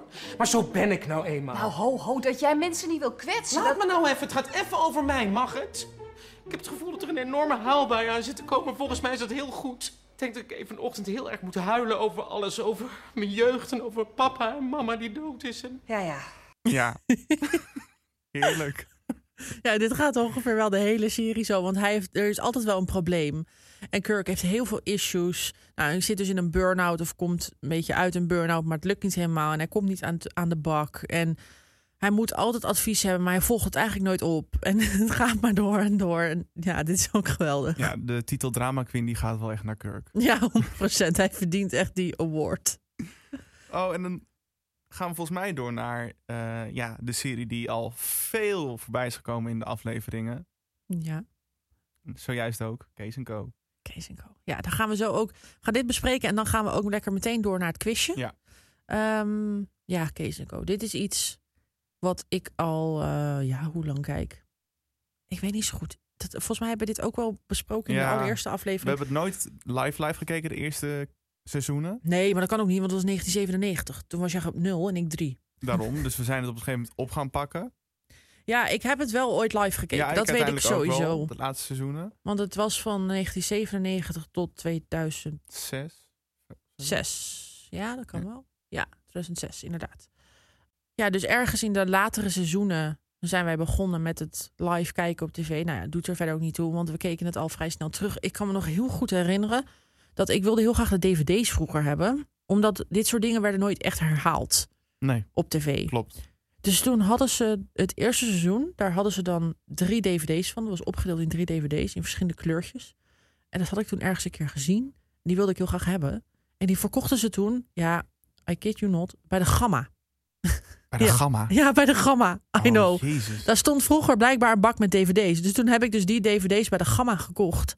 En zo kon ik dus dat eerste seizoen terugkijken. Omdat ik er dus, nou ja, ergens halverwege, misschien seizoen 4 of 5 of zo, een keer was ingevallen. En af en toe kwam er dan wel eens een herhaling, maar niet zo vaak. Dus daardoor had ik heel veel nog niet gezien. Dus toen kocht ik die. Nou, daar was ik helemaal verslaafd aan. Dat ging on repeat de hele tijd, die afleveringen. en dan was ik weer klaar met het seizoen en dan gingen we weer opnieuw. nou, later is er op een gegeven moment wel een, een hele DVD-box van uitgekomen, gelukkig. En het stond ook eh, ja, vrij illegaal op YouTube allemaal. En ja, ook daar heb ik gebruik van gemaakt toen der tijd. Inmiddels heb ik wel de DVD-box. En RTL Lounge, wat je op het gegeven moment, die ging het ook uit, weer opnieuw uitzenden. Ja, maar dan het- in breed, beeld- breed beeld. Ja, precies. Het is gewoon heel vaak inderdaad weer Ja. opnieuw uitgezonden. Maar vroeger nog niet echt. Nee. Ja, dit is fantastisch. Dit is ook echt wel nostalgie. Want ik kan heel goed begrijpen, als je dit nog nooit hebt gezien, dat je dat dan nu veel te oud vindt om te zien. Want het is, ja, ze hebben, ik bedoel, ze hebben telefoons met antennes. Ja, Nee, ze nog. betalen nog met guldens in de eerste serie. Precies, want het millennium in 2000, Ja. daar gaat ook een aflevering over. Die gaat over het millennium. Ehm, ik moet nu wel uitkijken wat ik trouwens allemaal ga zeggen. Dat ik niet alvast een antwoord verklap. Oh nee, dat moet je. Dat hadden we de vorige keer ook in. Volgens mij was dat bij de quiz over, eh, over moordvrouw. Dat ik toen al iets had verklapt. Dat moet ik nu even opletten dat ik dat niet doe. Maar het is wel bijzonder te noemen, want inderdaad, wij hebben nooit het begin van deze serie meegemaakt. Maar we zijn wel enorm fan, terwijl we echt later zijn ingestroomd. Ja, ik weet ook niet. Af en toe gebeurt dat eens een keertje. Ja, en dat is vooral bij Kees en Koos het wel echt... eh, ja, het is gewoon heerlijk. En volgens mij hebben we ook allebei een fragmentje. Of heb, jij, of heb ik alleen een fragmentje? Nee, jij hebt een fragment. En ik wil nog even kort uitleggen voor de mensen die het niet kennen of die het niet heel goed kennen, waar het eigenlijk over gaat. Het is een gezin, moeder, vader en een zoon en een dochter. En die ja, wonen in een huis in Diemen. Volgens mij is het begin is dat genoemd dat dat in Diemen was. Klopt. En later is dat een beetje, wordt het niet meer benoemd. Ehm, en zij maken gewoon eigenlijk van alles mee. Het is een heel doorsnee gezin. Ja. Ehm, moeder werkt eerst in een bakkerij, wordt daarna een tijdje werkloos en doet allerlei stomme baantjes, vindt zij zelf. En ehm, later begint ze haar eigen cateringbedrijfje. En dat doet ze allemaal samen met haar beste vriendin en buurvrouw Sonja. Gespeeld door Esther Roord. En Kees wordt uiteraard gespeeld door Simone Kleinsma. Ja. En ja, daar gaat het over. De vader van het gezin, die is loodgieter. En die kinderen zijn gewoon vervelende pubers. en daar gaat eigenlijk de hele serie over. En het is dus een sitcom. Er gebeurt elke keer wel weer wat. En er zitten ook wel heel af en toe zit daar een serieus momentje in. Maar het is vooral gewoon heel veel lachen. En ja, lekker die lachband eronder. En het publiek wat je hoort lachen ja, tussendoor. heerlijk. Ik vind dat heerlijk. En het is ook echt wel het ouderwetse beeld van de, de vrouw die moet achter het huis staan en de vader die ligt te lui op de bank. Ja, en dat gelukkig verandert dat op een gegeven Ja. moment ook wel. Dan heb je op een gegeven moment in het zesde seizoen dat Kees in een eetcafé gaat werken, wat ook heel leuk is. Dat vond ik een heel leuk seizoen. Ik vond het echt jammer dat dat maar één seizoen was. Want het is eigenlijk, ja, je kan Kees ook een beetje opdelen in de eerste vijf seizoenen gaat het echt over dat gezin. Ehm, dan gebeurt er iets, nou ja, spoiler alert. niet luisteren als je dit niet weet en als Daar je het nog wel wil zien. Maar dan overlijdt Ben. Dat is wel een van de moeilijke soort van serieuze dingen in de serie. Je ziet niet dat hij overleden of dat hij overlijdt, maar in de eerste aflevering in seizoen 6 zie je dat hij is overleden. Dat, dat krijg ik altijd tranen van als ik die scène zie dat zij op, bega- op de begraafplaats is. Maar het is ook zoiets heftigs, want zeg maar, ik weet natuurlijk niet hoe het in die tijd gegaan is. Of dat bekend werd gemaakt in dat ze bij koffietijd zat van ja, Bij koffietijd. Rick Hoogendoorn die speelt niet meer mee volgend seizoen. Mhm. Of dat kijkers koud begonnen van ah, leuk nieuws seizoen Kees en Co. Oh, Ben is dood. Ja, dat weet ik ook niet. Het begint heel heftig. Ja, daar ben ik eigenlijk inderdaad ook wel benieuwd. Daar heb ik nooit zo over nagedacht. Ja, ik weet ook Opeens niet. is hij dood. Ja, opeens is hij dood. Deal ermee. Ja, en dan zie je dus dat Kees eh, inmiddels al een nieuwe banen heeft bij dus een eetcafé. Ze is haar eigen bedrijfje, is dan weer mee gestopt met Sonja. En dan werken ze samen bij Koen. En ja, dat seizoen gaat ook weer over van alles. Ja. Eh, maar vooral rondom het eetcafé. En heb je seizoen 7 en 8. En dan heeft Kees een nieuwe man. En die heet Frank en die leert ze kennen in weer een café-setting. En eigenlijk slaat de vonk best snel over. En beginnen ze het best wel snel leuk met elkaar te krijgen, waardoor Kees steeds vaker bij Frank is, of Frank bij Kees. En daar heeft Sonja dan weer moeite mee, want Sonja denkt, ja hallo, eh, waar is mijn aandacht gebleven? En ja, die serie eindigt uiteindelijk wel van dat eh, Kees toch haar huisje gaat verlaten. En dat eh, Sonja volgens mij toch met die, hoe heet die nou? Ja, zij krijgt ook een nieuwe liefde uit Ja, Australië. Dat, dat. Want so- ja, Sonja staat ook wel een beetje bekend als... eh, ze heeft altijd wel een man. En vriendjes daar en vriendjes daar en van alles. En ze settelt dan toch echt in het allerlaatste seizoen. En nog wel leuk om toe te voegen is natuurlijk dat de kinderen van Kees... die komen niet meer voor eh, na seizoen 6. In seizoen Nee. 6 komt Anne nog voor en Rudy niet meer. Eh, volgens mij één aflevering nog. Weet ik niet zo goed meer. Ehm, en in seizoen 7 heb je ook nog een aflevering met Anne. Oh ja, daar komt Rudy ook nog een keertje in voor. En daarna zijn ze eigenlijk een beetje verdwenen. Want Ja. Frank heeft natuurlijk twee kinderen. Ja, die heet eh eh, Muriel en Steven. Steven. Ja, Marianne en Steven. Gespeeld door Nicky Plessen en Sascha Visser. En het is eigenlijk een beetje hetzelfde beeld als de kinderen van Kees. Eh, het zijn Ja. gewoon twee pubers. De jong is gewoon echt een ettenbak. En het meisje is eigenlijk een beetje een verwende nest. Want dat komt mede door haar moeder. Ja. Ehm, maar ja, het ja, is... want die moeder is dus ook de, de ex-vrouw van Frank. Die is ook dus nog de hele tijd in beeld. Ja, En dat, zij is ook gewoon echt. Ja, zij vindt het allemaal. Zij vindt het prima dat ze gescheiden zijn, maar ook weer niet. Ze is toch ook heel jaloers op Kees en jaloers op die kinderen. Ja, en met haar gaat, gebeurt er ook van alles in, eh, in allebei die seizoenen. En ja, moeten we het even misschien kort hebben over. Heb jij een lievelingsaflevering? Want ik heb die namelijk wel. god jeetje. Ehm, Zal, zal ik even beginnen dat je ja. even kan denken? Nou, mijn lievelingsaflevering, het zijn er veel. Maar ik vind de aflevering in seizoen 8 dat ze naar de musical Mamma Mia gaan. En dat Kees Simone Kleinsma gaat ontmoeten. Nou ja, eigenlijk Kees en Frank gaan Simone Kleinsma ontmoeten. Want Frank is heel erg fan van Simone Kleinsma. En natuurlijk, Kees wordt gespeeld door Simone Kleinsma. En ze zien haar dus in die musical. En dan willen ze haar gaan uitnodigen voor Frank zijn verjaardag. En ik vind dat echt een fantastische aflevering. Omdat je dan Simone ziet als Kees. En je ziet Simone als Simone. En ze zingen allemaal ABBA-nummers de hele tijd. Want dan gaan, gaan Kees en Sonja een ABBA-act opvoeren. En dan gaan ze helemaal verkleed en op die hakken en liedjes zingen. En dat zijn op dat moment, in, zeg maar, in het echte leven speelt Simone Kleinsma, zo al die namen, speelt ook ehm, de rol van Donna in de musical Mamma Mia. Ja. Dat was ze toen tegelijkertijd Ja. aan het doen. Dus die aflevering ga- gaat eigenlijk een beetje door de vierde muur heen, heb ik het idee. Ja, absoluut. Ehm, dus er wordt gewoon heel veel van buitenaf opeens naar die set gehaald. En ik vond dat gewoon zo'n briljante aflevering dat ze dat gedaan hebben. Dat vind ik echt heel leuk. Ja, ik heb ze net allemaal gekeken, dus ik kan er niet echt snel. Maar ik ben het wel met je eens. Die ABBA-aflevering ook. Hoe Frank dan, dan komt hij thuis en zet, zet hij dat cd'tje en dan hoe hij dan zo knullig gaat lopen dansen. dan gaat hij het Is dansen. echt, het is wel echt een hele vrolijke aflevering. En mede door de ABBA-liedjes. Je krijgt echt een beetje songfestivalgevoel van. Ja, en je hebt ook nog zo'n aflevering dat de hele cast van GTST er was. Ja, Dat was ook leuk. ja. Toen gingen ze, gingen ze een act opvoeren, Kees en Sonja. Terwijl Ja, ze- want eh, Marielle die wilde graag actrice worden. En ze dacht Ja. dat ze niet werd uitgezonden eh, in een aflevering van GTST. Dat gebeurde uiteindelijk wel. ja, en die is volgens mij ook echt uitgezonden, toch? Of niet? Dat weet ik niet. Ik, ik heb dat ooit een keer opgezocht. En ik weet nou niet zeker meer of dat nou zo is. Maar volgens mij is dat stukje, zat dat ook echt zeg maar in GTST. Oh, dat zal wel vet Want zijn. het was een soort van samenwerking. Ook omdat die cast dus opeens in GT... eh, sorry, omdat de cast van GTST ook eens... Bij Kees en Co was. Ja, precies. Ja. bij- al die namen, mijn god. Ja, en toen kwam die kast daar binnen om te vieren dat Marielle in die uitzending zat. Ja, ook heel, Heel ongeloofwaardig. En ik heb wel een aflevering die ik nog steeds eng vind. En dat is met Crudaal. Mevrouw Crudaal. Mevrouw Crudaal. Maar er zit ook echt wel eng... Als die vleermuis tegen dat... dat zit, eh, gebruiken ze best... eh, ze maken daar best veel gebruik van audio en flitsdingen. Dat je best wel schrikt als kijker. Ja, ja, ik vond dat vroeger ook wel eng hoor. Op een gegeven moment wordt er een soort van... Want Crudaal staat natuurlijk... Dat is een ehm, Anagram. anagram voor Dracula.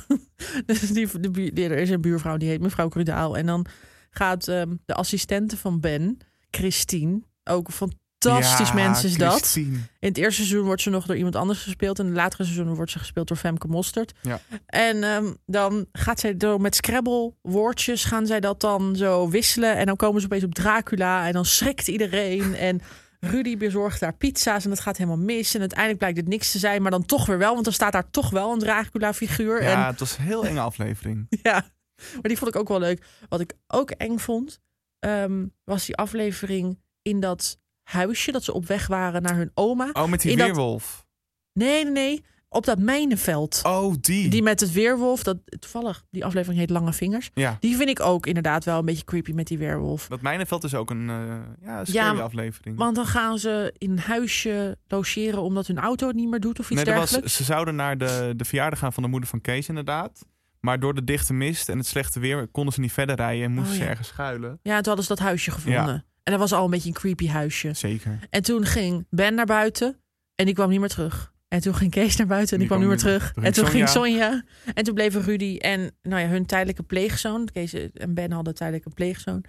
Ehm, die bleven toen achter. En nou ja, de volgende dag werden ze gezien. En toen bleek dat ze in een mijnenveld stonden. Ja, je verzint het niet, maar het gebeurde allemaal wel. Ja, en als ik het dan zo, als ik mezelf zo hoor praten, jou ook, denk ik, ja, als je dit dan nu luistert, jullie luisteraars, zeg maar, snap je hier nog iets van? Als je dit niet hebt gezien, kan ik me voorstellen dat dit echt een warboel aan dingen is over deze serie. Zullen we dan iets laten horen van deze serie? ja, laten we het even doen. Dit is uit seizoen 1 toen Kees en Sonja nog in de bakkerij werkten. Echt En- lang geleden hoor. Het is heel lang geleden. Ik bedoel, dit is dat jij geboren bent. Ja, ja. En je bent eh, net jarig geweest. Nog gefeliciteerd Dankjewel. bij deze. Ehm, en hoe oud ben jij geworden? 24. 24. Nou, dus dus 24 jaar oud. Ja. Dat is echt oud. Nee, valt wel mee. Jij bent ouder. Ja, nee, niet jij qua Oh, leeftijd. Dat sorry. die serie zo oud is. Niet dat jij oud bent. Ik ben 24 ook nog vrij jong qua leeftijd. Maar, Ja. maar qua serie. Ik vind het best heftig om te bedenken dat deze serie al 24 jaar oud is. En nog steeds goed. Zullen we dat volgend jaar gaan vieren? Wa- 25 jaar Kees Co. Ja. Oh, maar dan wil ik wel met Simone in de studio. ja, hallo. Ik had het ook niet per se over dat we dat in de podcast moesten Oh. vieren, maar gewoon Ja, privé. thuis. Ja, leuk, nodigen we eruit. Zal er een special komen? Oh, er is ooit een special geweest. Peter van der Vorst is ooit op ja, bezoek geweest heb ik in. eh, gekeken. Oh, echt? Typisch RTL. Ja, van der Vorst. Ja, dat was een soort van van der Vorst iets sterrenachtig Ja, omdat iets. RTL zoveel jaar bestond of zo. Ja, 20 jaar volgens mij. Of 15 jaar, 20 jaar. Iets. En toen ging hij weer even langs bij de cast. Dat was leuk.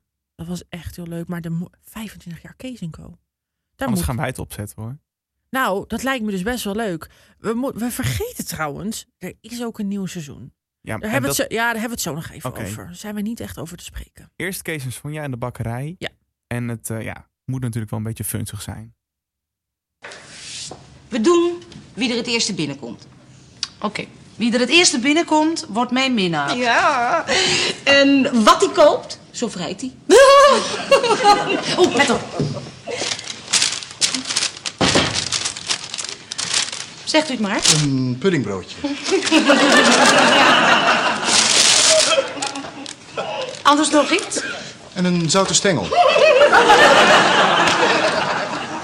Lang of kort?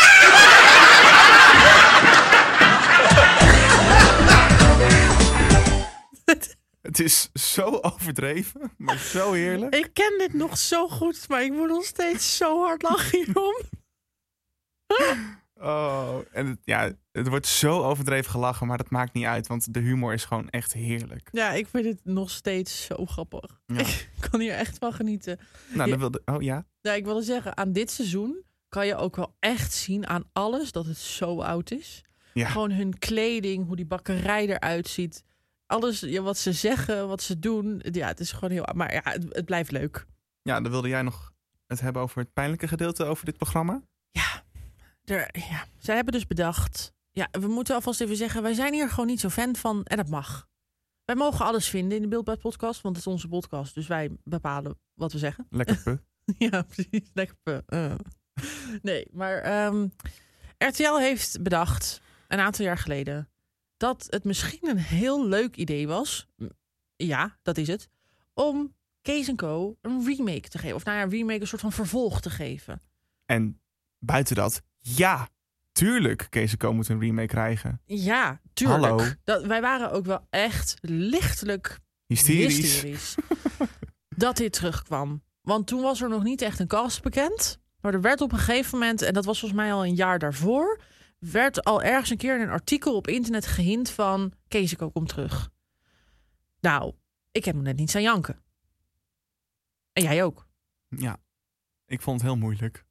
En toen, een jaar later, of zoiets, ik weet hoeveel jaar later, werd, de, werd in ieder geval bekendgemaakt, Simone speelt mee. Nou, weer een moment om te janken. Weer leuk. En toen gingen we door. En toen, Max, gebeurde er... Het volgende.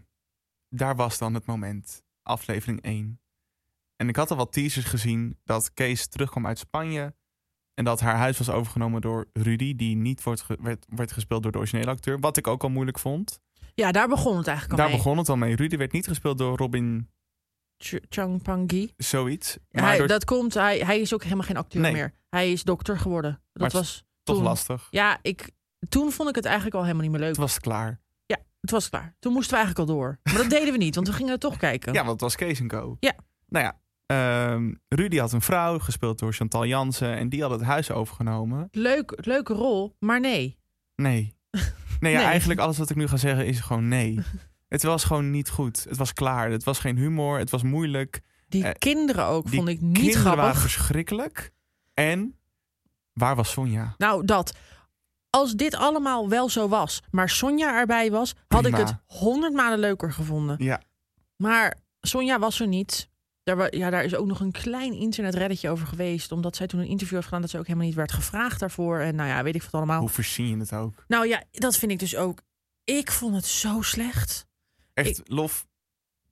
Paulien van, ze Wie? nou? Plien van Beudekom? Nee, Plien van Bennekom, ja. Plien van Be- Lof haar. Ja. Echt geweldige actrice. Mhm. Maar nee. Nee, dit, het was niet Kees Co. En nu moet ik wel bekennen dat ik bij één opname ben geweest. Volgens mij was dat de vierde aflevering of de derde. En toen zat ik daar en toen dacht ik al... Oh, ik wil hier weg. Maar echt. Toen had ik er nog. Toen had ik wel volgens mij de cast al gehoord of gelezen op internet wie dat waren. Maar toen wist ik nog niet waar het verhaal en zo over ging. En toen zat ik daar en toen dacht ik, nee, dit is het echt niet. Ik vond het ook gewoon echt niet grappig. Er waren gewoon bepaalde one-liners. Vooral van Simone, die ik heel leuk vond. Maar ook van Chantal, want ik vind Chantal als actrice ook heel leuk. En zij heeft gewoon een comedy timing, daar word je bang van. Ja. Zij is heel goed. Dus soort van zij als persoon in, de, in, in een serie vind ik geweldig. Maar ze hadden dit gewoon geen Co moeten noemen. Ze hadden gewoon echt iets anders moeten bedenken. En ja, ik vond het gewoon echt heel slecht. Ja, enige lichtpuntje was dat Anne weer een keer terugkwam. Ja, in één aflevering inderdaad. Dat was nog zo van oeh. Die heb ik ook nog gekeken, zeg maar, die aflevering. Maar ik ben echt letterlijk na de tweede aflevering gestopt. Toen heb ik de aflevering van Anne gekeken en verder heb ik niks meer gekeken. En eh, het werd nog erger. En dat is weer geen haat naar de persoon. Maar na de eerste seizoen van de remake ging Chantal eruit. Mhm. En ging Tina de Bruin de rol overnemen. En ik vind Tina geweldig. Maar toen was het echt... Ja, Die rol die zat daar niet. Die, die, die, die- dat nee, vond ik ook niet dus zo verf. leuk. Nou ja, toen is het gecanceld na het tweede seizoen. Ja, dus Ja, niet, mij niet bellen.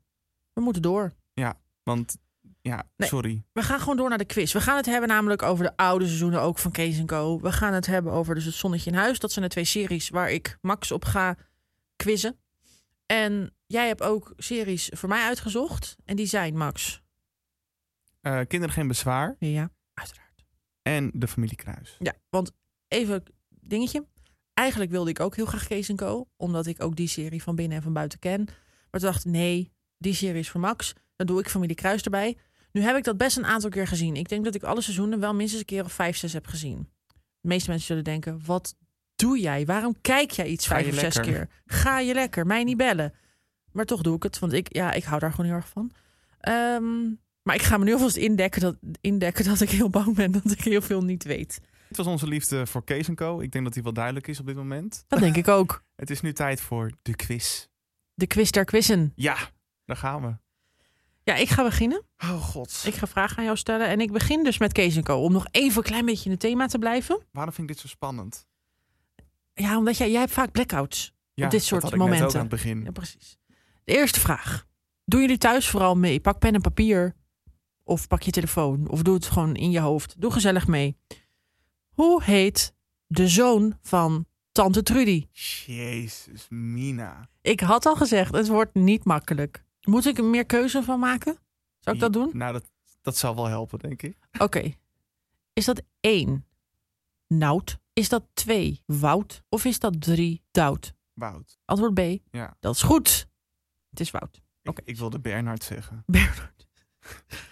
Oké, vraag nummer twee. Wie is de actrice die Joke, de ex-vrouw van Frank, speelt? Ik heb dit opgezocht van de week. Omdat ik wilde weten... Margot Kamps? Nee, ze heet niet Kamps, maar ze heet wel Margot. Margot... Geen idee wat de achternaam is. Ze heet Margot Dames. Oh. Ah, je zat een half puntje. Oké, yes. De derde vraag. Ja, dit is ook wel moeilijk hoor. Oh. Maar je hebt het wel allemaal net gezien, dus je zou het wel moeten weten. Maar hoe heet de uitwisselingsstudent uit Italië? Oh, de spin. Ja, dit, gaat, dit is een Waarom aflevering weet ik dit dan wel? dat, ehm, dat Kees en Ben en het gezin een uitwisselingsstudent op bezoek krijgen. En dat is een beetje, ja, op zijn zacht gezegd, een beetje een macho mannetje. En dan komen ze erachter dat zijn vader toch wel een heel belangrijk, beetje eng figuur is. Dat is ook weer een hysterische aflevering. Weet je nog hoe die heet, Max? Mag ik meer keuze? Ja, maar ik heb, ik heb geen meer keuze voorbereid, dus ik weet toch niet hoe die namen gaan. Ehm, Lucello? hoe? Lucello? Nee, hij heette Fabrizio. Iets met de O op het einde. Ja, iets, iets Italiaans met een O. Fabrizio. Oké, de laatste vraag. Ik denk dat je dit... Niet weet. Jawel, ik denk dat je het wel weet. Dit gaat namelijk ehm, over seizoen 6 in Ja. het eetcafé. Want tijden, er is op een gegeven moment een nieuwe opening. Aangezien Sonja met haar auto de hele gevel eruit ramt. Eh zij kon niet zo goed rijden. Ehm, tijdens een nieuwe opening van het eetcafé in seizoen 6 kwam er een vriend van Frank een soort van act doen als opening. Superman. Ja, bam, bam, bam. Nou, kijk, het is toch nog goed gekomen. Je hebt anderhalve punt van de vier. Kutleer, wat slecht. dan gaan we nu door naar de vraag over het zonnetje in huis. Die vraag van Keeseko, die heb ik gewoon allemaal uit mijn hoofd bedacht. Het zonnetje in huis niet, daar heb ik naar gegoogeld, want ik weet hier helemaal niks van. Je mag er vijf naast zitten voor de eerste vraag. En de vraag is, hoeveel afleveringen heeft het zonnetje in huis? 94. Niet. Tien te weinig, want het zou- waren er 109. Oh.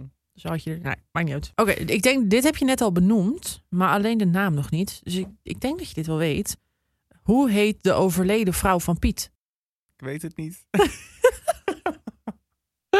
Ze was al dood, ja. Dit is misschien wel de slechtste quiz ooit. Nee, gewoon de slechtste kandidaat ooit. Ja, misschien dat. Jij moet niet meedoen aan Lotto Weekend Miljonairs. Ja, maar ik krijg gewoon echt blackouts. Ik haat dat. Moet ik het zeggen? Ja. Ze heette Agneta.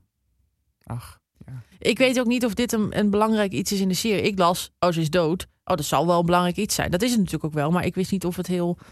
Of, of je heel erg vaak haar naam hoorde of niet. dat is natuurlijk het lastige. Wat ik al zei, die serie begint meteen met dat, dat die vrouw dood is. Dus ja, Oh ja, dat verdwijnt. Nou, dit is een vraag om eventjes deze twee series met elkaar te connecten. Met Keeseko en Het Zonnetje in Huis. Namelijk, hoe heet de actrice die zowel in Kees Co als in Het Zonnetje in Huis speelt? Met bonuspunten, dat maakt dan alles weer goed, eh, welke, welke personages zij speelde. En wat is vraag 4? Dit, dit- is vraag 4. Oh, dit is al de laatste vraag. Ja, dit is al de laatste vraag. Oh, wat verschrikkelijk. Dus welke actrice speelde er en in Kees Co en in Het Zonnetje in Huis? Allebei alszelfde... Ze had allebei dezelfde soort rol in de series. Ja, mensen denken echt dat ik dit nooit heb gekeken. Ik vind dit zo erg. Het is ehm, een, niet een, een hoofdrol. Dus het was Nee, iemand. dat had ik ook niet verwacht. Nee, het was iemand die er wel in zat, maar niet vaak. En ik denk in Kees Co in ieder geval tot seizoen 5. Is er een overlap geweest met mensen? Nou ja, dus er is één iemand die in allebei de series heeft gespeeld, ja. Dat is voor mij sowieso nieuw, dus ik ga hier nooit opkomen. Oké, in Kees Co speelde ze de moeder van Kees. Ah, Ella Snoep. ah, Ella. Ja, zij speelde in het Zonnetje in Huis. Dit heb ik even moeten opzoeken. De moeder van barvrouw... Even kijken. Barvrouw Connie.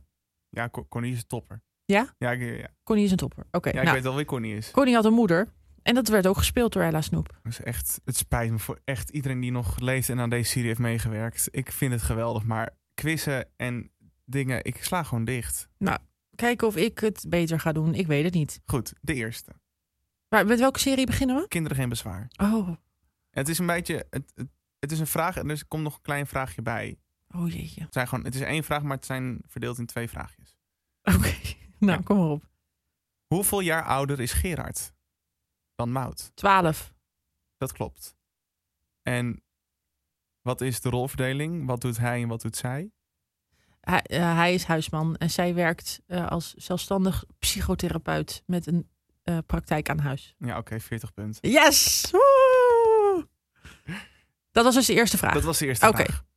Eh, in de media werd een lange tijd gespeculeerd dat een andere acteur de rol van Gerard van Doorn zou spelen. Wie was dat? Was dat, nee, was dat Johnny Krijkamp? Welke? Junior. Ja. Hoeveel afleveringen had het laatste seizoen? Dit is een klein gokje, maar volgens mij negen. Zes. Oh! Weet je Oh. ook waarom het zo'n kort seizoen Ik was? hoop dus zo erg dat ik alle vragen goed zou hebben. Ehm, ja, omdat ze eigenlijk geen negende seizoen zouden gaan maken. Seizoen 8 zou het laatste seizoen zijn. Of in ieder geval, er werd pas toen seizoen 8 al gemaakt was, werd er gezegd van dit was het eigenlijk. En toen hebben zij nog een beetje nou ja, gevochten om toch nog een einde te kunnen maken. En toen mochten ze niet meer nou ja, een vol seizoen maken. Dus hebben ze nog, nou ja, zes, dus ik dacht negen. Ehm, hebben ze dus nog zes afleveringen mogen maken om het af te ronden, zeg maar, het hele, de hele serie. Ja. En die laatste was toch janken voor mij. Oh. Ja. Nou goed, nog een vraag toch? Ja. Of niet? Oké. Maak het stukje van de leader af. Oh nee. Ik hoop dat ik hem op tijd dicht trek. Oké. Iedereen is heel gewoon. Zij had al een dochter en hij had al een zoon. Kinderen geen bezwaar. Ja, klopt. Woehoe! Drie had ik, vier. Had ik één. Oké. Dit- Op zich... eh, Het is oké. Ik vond dat ik het beter kon doen. Nee, je doet het beter dan dat ik het doe. Ja. Dan gaan we naar Dat is de, waar. de quiz over de familie Kruis. Ja, dat vind ik toch nog wel ietsje lastiger hoor. De serie begint met een catchy leader die je eigenlijk vijf seizoenen lang hoort. Oh ja, dat weet ik. Dat is It's Not Unusual van Tom Jones. Heet die Tom Jones? It's not unusual to be loved by anyone. It's not unusual to have fun with anyone. Ja, is gewoon goed hoor. Ik moet altijd bij dit soort dingen daaraan denken van... hoe duur is het wel niet om dit nummer te mogen gebruiken als Heel leader? duur volgens mij. Want je moet voor zo'n nummer moet je natuurlijk betalen. Ja. Voor, elke, voor alle soorten muziek moet je betalen in je serie. En als je dan zo'n nummer, wat natuurlijk heel groot en bekend is... als je dat in je intro hebt, wat dus voor de leader hebt... wat iedere week weer terugkomt, vijf seizoenen lang... dan vraag ik me altijd af, ja, is dat niet gewoon heel duur? Denk het wel. Ja, Maar ja, lekkere verdienst voor onze Tom Jones. zeker. Ehm, hoe heten de kinderen van Johan, de nieuwe liefde van Bette? Davy. En dat is makkelijk, hè? Davy, Davy. Mijn beste vriendin heet Davy. Dus, hè? En, ehm, oh, ik weet ook gewoon zijn, zijn de... Echte naam. Ja, Jonas Smulders heeft het een paar seizoenen gedaan en toen nog iemand anders. Hij gaat in de serie met de assistent van Bette. Jul. Jul. Oh, hij nou? Davy en... Mag ik een beginletter? Want ik weet het even niet. A. Arnoud. Ja. Oké, dus een half puntje. Half puntje. Met welke drie dingen worstelt Bette dagelijks in haar leven? Is hier een du- antwoord op? Ja, er zijn eigenlijk drie dingen die altijd wel terugkomen van hier, hier struggelt zij altijd mee. Met haar gewicht. Ja, Ze schrijft altijd met, naar haar dode moeder. Zeg maar, ze houdt een dagboek bij en ze schrijft er brieven in haar dagboek aan haar dode moeder.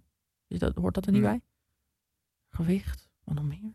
Waar struggelt ze mee? Nou, met de liefde? ja, Ja, misschien met haar leeftijd? ja. Oh, ja. jee. Dat zijn de drie dingen. Oké. En de laatste vraag, eh, dit, was ook, dit was ook in het nieuws. Nou ja, in de, de showrubrieken die schreef hierover. Eh, over de laatste aflevering waren veel kijkers teleurgesteld. Waarom Hm. was dat? Ja, omdat het een heel erg open einde heeft, toch? Oh nee, dat is het seizoen daarvoor. Nevermind. Wacht.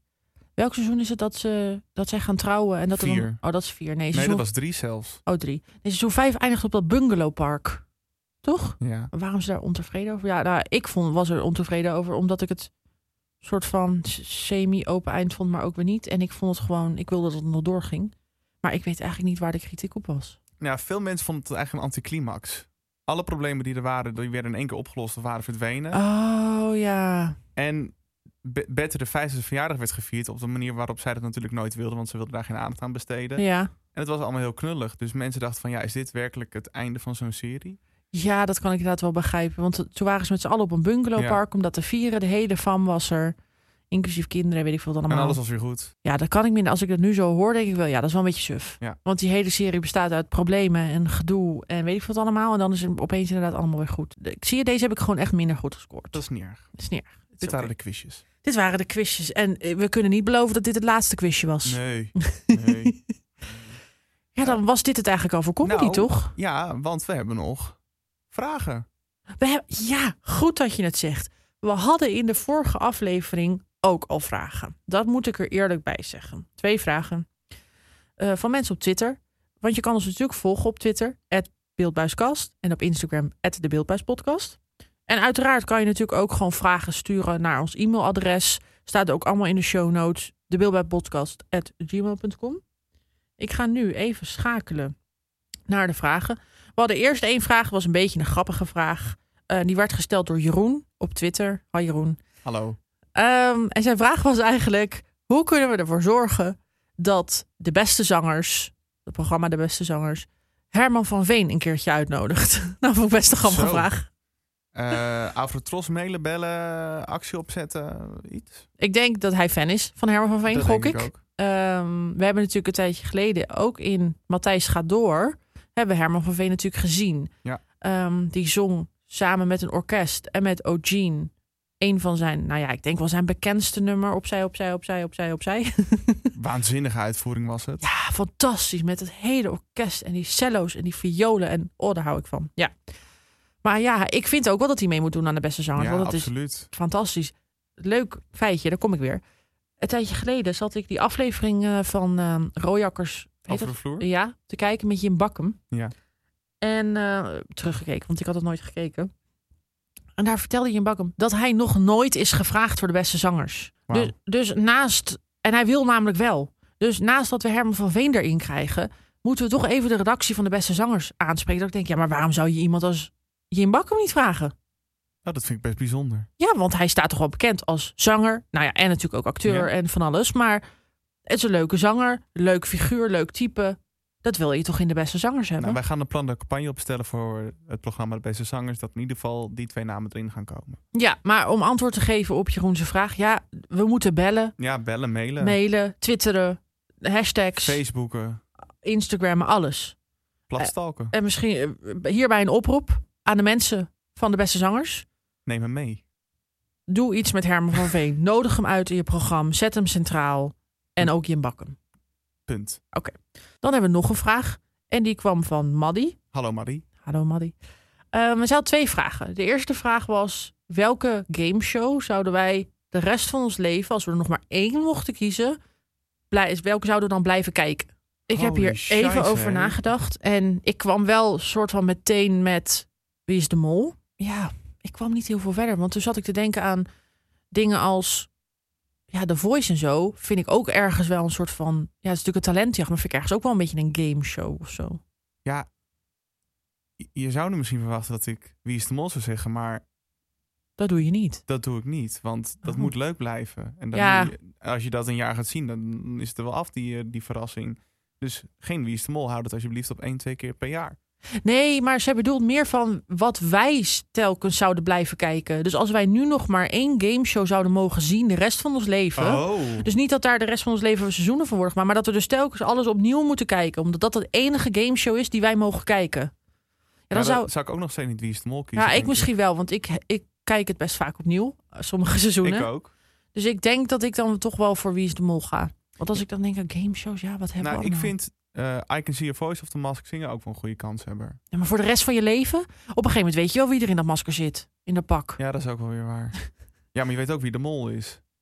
Ja, maar dat vind ik toch minder erg. Want ik vind dat hele spel draait natuurlijk wel om de mol, maar het draait ook om alle kandidaten en de opdrachten. En ja, ik weet niet, er zijn ook zoveel seizoenen van dat ik denk, ja, dat kan ik wel opnieuw kijken.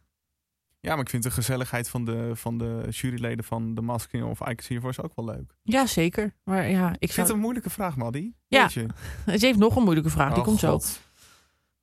Maar wat is jouw antwoord? Eén van die twee dus. Ja. Oké, nou, dan een andere vraag. En dit is dus niet specifiek om gameshows, maar welke andere serie, gewoon één serie, één programma slash serie van over, nou, laten we eerst Nederland doen. Welke Nederlandse serie zouden wij als enige nog willen kijken? Dus je mag maar één serie kiezen die je voor de rest van je leven alleen nog maar die mag zien. Ja, ik kies Kinderen Geen Bezwaar, punt. Ik het huis en op is punt. Echt? Ja. Oh, dan kunnen we misschien het uitwisselen. Dan kan jij eindelijk in de Geen Bezwaar kijken. Dan kan ik nog een keer het Huis van Rust kijken. Nog een keer. ja, ik heb het ook al zo vaak Nog gezien. een keer de club van de oude wilg. Is dat trouwens niet eventjes een eh teasertje naar volgende keer? Ja, absoluut. Ik wilde bijna weer volgende week zeggen. Ik zeg nee dat volgende week, maar wij maken niet elke week een podcast. Nee, het is iedere maand. Iedere maand. Maar, Maar, ja, het is een teaser, zeker. het Huis Noebes is een teaser. Houden we het daarbij? Ja, Ja, wel. Jawel, hè? lekker spannend. Het is een teaser. Hou het een in gedachten. Maar goed, dat waren dus vragen. En ik vind het fantastisch dat we kijkers... nee, niet... Zie je? Ik heb het hier met Max over gehad. Ik wist dat ik zou gaan zeggen kijkersvragen. Maar jullie kijken helemaal niet, want er staan hier geen camera's. Gelukkig. Luisteraarsvragen. Luisteraarsvragen. Ik vind het fantastisch dat we die kregen. Dus blijf ze insturen. We beantwoorden ze hartstikke graag. Kom maar op. Het maakt niet uit wat. Nou, Ah, hou het netjes. dat. Hou het beschaafd. Ja. Maar kom met iets leuks. En dan beantwoorden wij het. Was dit het dan al? Nee, we kunnen nog niet gaan afsluiten. We moeten even nog hebben over waar we naar uitkijken. Want we Oh, hebben een aantal programma's. Waar kijk jij naar uit? Ehm, nou, ik kijk heel erg uit. Het begint niet in mei, maar het begint over een paar weken. Ja, echt eind, eind, april. Dus we gaan het wel gewoon vast benoemen. Ja. I Can See Your Voice. Oh, daar heb ik ook zoveel zin in. Het tweede seizoen. Dit, dat eerste seizoen, dat was jij eerst niet aan het kijken. Nee, ja, ik dacht, wat de fuck is dit voor een programma? En toen was ik het aan het kijken, want toen was ik het af en toe terug aan het kijken. En toen ging jij het wel kijken. En toen zijn we het ook samen gaan kijken, want het is zo'n programma, dat zet je aan. En oh ja, toen gingen wij het samen kijken toen wij mijn kerstboom gingen optuigen. Ja, ik heb het meerdere keren bij, bij jullie thuis gekeken. Maar het leuke is dan ook, vol- volgens mij gingen we ook koken en gingen we vanuit de keuken schreeuwen. Het is die, het is die. nou, precies. Dit is een heerlijk programma om gewoon aan te zetten. Je doet iets anders, maar je let wel ook op. Ja. En je bent inderdaad aan het schreeuwen, dit is die en die en die. En weet ik wat allemaal. Die jury is natuurlijk ook hysterisch. Ja, nieuw, nieuw panel eigenlijk dit Ja, seizoen. wat, wat is er veranderd? Eh, Samantha Steenwijk is weg, wat ik wel heel jammer vind. Ja, die vind ik trouwens ook heel leuk in de Verraders. Ja. Zeker. Maar goed, ja. Eh, Ronnie Flex is eruit en daarmee ook Najib Amali. Nou, ik vind Ronnie niet heel erg. Staat er nou nog meer? Volgens mij was dat het. Nou, Marieke is er nog wel. Ja, Marieke is er nog, Fred van Leer is er nog en Etzila Romli komt erbij. En Danny. de Munk Danny de Munk. En eh, het wordt gepresenteerd. door Carlo Borsat. Ja, en dat blijft ook gewoon hetzelfde. Ja, daar heb ik ook erg veel zin in. Ja, Ja, ik vind het concept heel leuk. eind april te zien op RTL 4. Ja, de 26e. 26e. Heb jij iets? Heb ik iets? Wat heb ik? Wat heb ik? Het Songfestival. Ja, het gaat eindelijk gebeuren. Nu echt. Ik ben heel benieuwd hoe ze dit gaan doen. Het gaat niet een Songfestival worden als altijd. Nee. Want er kunnen amper mensen bij. En van alles is gerepeteerd en gedaan. En weet ik veel. Het wordt natuurlijk altijd gerepeteerd. Maar ik denk dat het heel anders gaat zijn. Ik ook. Ik vind het nummer niet geweldig. Laat ik het zo zeggen. Ik denk niet dat we ermee gaan winnen. Ik denk dat hij geluk heeft dat we automatisch geplaatst zijn voor de finale. Nou, precies dat. ik wilde dat niet zeggen. Ja, ik denk ik gooi maar op tafel. Maar het is absoluut wel de waarheid, denk ik. Ik eh, vond het vorige nummer ook niet zo fantastisch. Nee, maar... Oh nee, ik moet echt op gaan passen. Wat? Nou, het kan nog erger dus. Hoe bedoel je, het kan nog erger? Dan het vorige nummer. Ja, ik vind het wel nog erger, ja. Nee, de Afrotros hoeft niet... Er wordt opeens gepraat hier vanuit een hoek. is de derde stem. Ehm, nee, ik vind, ik vind het niet zo. Nee, de Afrotros hoeft niet bang te zijn dat ze nog een potje geld moeten zoeken voor volgend jaar. Nee, absoluut niet. Ik ben benieuwd wel naar een aantal landen, maar misschien is het leuk om hier eh, ja, de volgende keer eventjes op terug te blikken. Moet er niet een Songfestival special gaan komen? Maar het Songfestival is al over een maand. Ja, Waar haal jij de tijd vandaan nergens. om een Songfestival special op te nemen? Doen we volgend jaar wel. Moeten we volgen? Nou, vind ik wel een leuk idee. Ja, oké. Dus volgend jaar gaan we gasten uitnodigen. We gaan nog praten over comedy. We gaan een Songfestival special doen. We hebben nou het hele, het hele jaar is al vol nu. Ja. Met ideeën. Dat is alleen maar goed. Nee, Songfestival. Kijken we naar uit. Wanneer is dat? Volgens mij in de tweede week van mei en dan de dinsdag, donderdag, zaterdag. Oh ja, want het is natuurlijk halve finale 1, halve finale 2. finale. Zien wij dan eh Django McCroy niet in de halve finale of wel? Dat denk ik niet. Oh, want die landen die dan automatisch geplaatst worden, die zingen niet mee. Nee, nee, nee, nee. nee. Die zie je pas echt in de finale. Oh ja, dat is natuurlijk ook altijd Frankrijk en zo. Ja, Spanje, en. Spanje, Italië. Want Landen die kopen gewoon hun plek. Dat. Ja, dat vind ik wel echt een raar iets. Nou, wat ik nog... Australië. Dank je. Alsjeblieft. En we gaan door. Australië doet mee. It's weird. Het is geen. Europa. Eh, waar we nog meer naar uitkijken. Ja, naar nog een programma. En dat is hartstikke nieuw. Dat is helemaal nieuw. Make up your mind. Precies. Ik was even de titel kwijt, maar gelukkig heb jij hem. Ja, daar ben ik ook benieuwd. Met Nicky Tutorials. Nicky de Jager natuurlijk. Fred van Leer. Fred van Leer. Carlo. Car- het is, het wordt, ik denk dat het hysterisch wordt. Ja, want ze gaan dus bekende Nederlanders Ja. omturnen tot drag queen. En dan moeten ze raden wie die bekende Nederlander is. Volgens mij is dat het concept. Ja, zoiets ja. Ja, geweldig. ik weet niet of het woord omturnen vind ik niet per se het goede woord, denk ik. Ik weet niet. Ja, Klonk gek. Maar ehm, ja, wat gaan, ze gaan gewoon iemand soort van drag queen maken. dat. Gewoon alles, alles wordt gedaan. Ja. Pruiken, nagels, make-up. En ik, ik gok dat we dan Nicky de Jager hebben als natuurlijk make-up artiest of niet? En ook jurylid, denk ik. Ja, dat sowieso. Maar gaat zij ook iets met de make-up Oh, dat doen? zou ik wel leuk vinden. Ja, ik hoop het. Zij is fantastisch. Ja. Nou, Maar ik goed. denk dat het ontstaan is bij de tv-kantine. Want daar hebben ze de... Hoe heet die? De Ja, serie de- je bedoelt de Drag Race, ja? Dat hebben ze nagedaan. Ja. En toen zag je ook wel Robert de Brink als drag queen. Ja, en zat- Alain Clark, toch? Ja. Ja, dat, dat ik was denk dat heel het ontstaan gedaan. is. Want daar zat ook Nicky de Jager en Carlo. Ik denk dat daar het zaadje geplant is voor dit tv-programma. Ja, misschien wel. Ik ben heel benieuwd wat dit gaat worden. Dit was volgens mij 15 mei Ja, begint klopt. dit. Dus ook ergens in de week van het Songfestival dan. Ik denk dat het op dezelfde dag is als de finale. Oh, ze moeten het even opzoeken. Het even Als het een zaterdag opzoeken? is, dan is het waarschijnlijk op dezelfde dag als het Songfestival. Het is op een zaterdag. Ja, dan is dat denk ik Songfestival. Oeh, maar dat is wel een beetje... Dan zal het misschien de eerste aflevering niet zoveel kijkers hebben. Nou, dat denk ik ook niet. Ik Maar ga het wel terugkijken, sowieso ik vind het wel opnemen. heel leuk. Wat dan ook. Ja, ik ben benieuwd. En dit was het. Dit was comedy. Dit was comedy. En misschien komt er nog een vervolg. We weten het niet. Nee, daarvoor moet je vooral ons volgen op social media. Het Beeldbuispodcast op Instagram en Beeldbuiskast op Twitter. En je kan natuurlijk op ons abonneren via Spotify en iTunes. En we hebben, niet te vergeten, natuurlijk een Oh ja. Patreon-page. Waar je kan doneren voor ons, zodat we dingen kunnen upgraden en beter maken en mooier maken. En jullie nog wekenlang, maandenlang kunnen entertainen met de Beeldbuis podcast. Nou, ik hoop. Dat zou ik heel leuk vinden. Ik ook. Sluit jij hem af? Voor nu? Ja. Een fijne maand. Een fijne maand. En Ja. heb jij niet nog een laatste praatje? Ik dacht dat jij altijd een praatje had. Ja, die heb ik al gedaan. Oh, ik, nou. heb, ik heb de socials benoemd, Spotify en iTunes zijn genoemd. Ja, Jullie krijgen even een achtergrondkijkje zo in ons praatje. dit was hem. Dit was hem alweer. Nou, tot de volgende. Ik ga nu de microfoons dicht doen. Oké. Bye.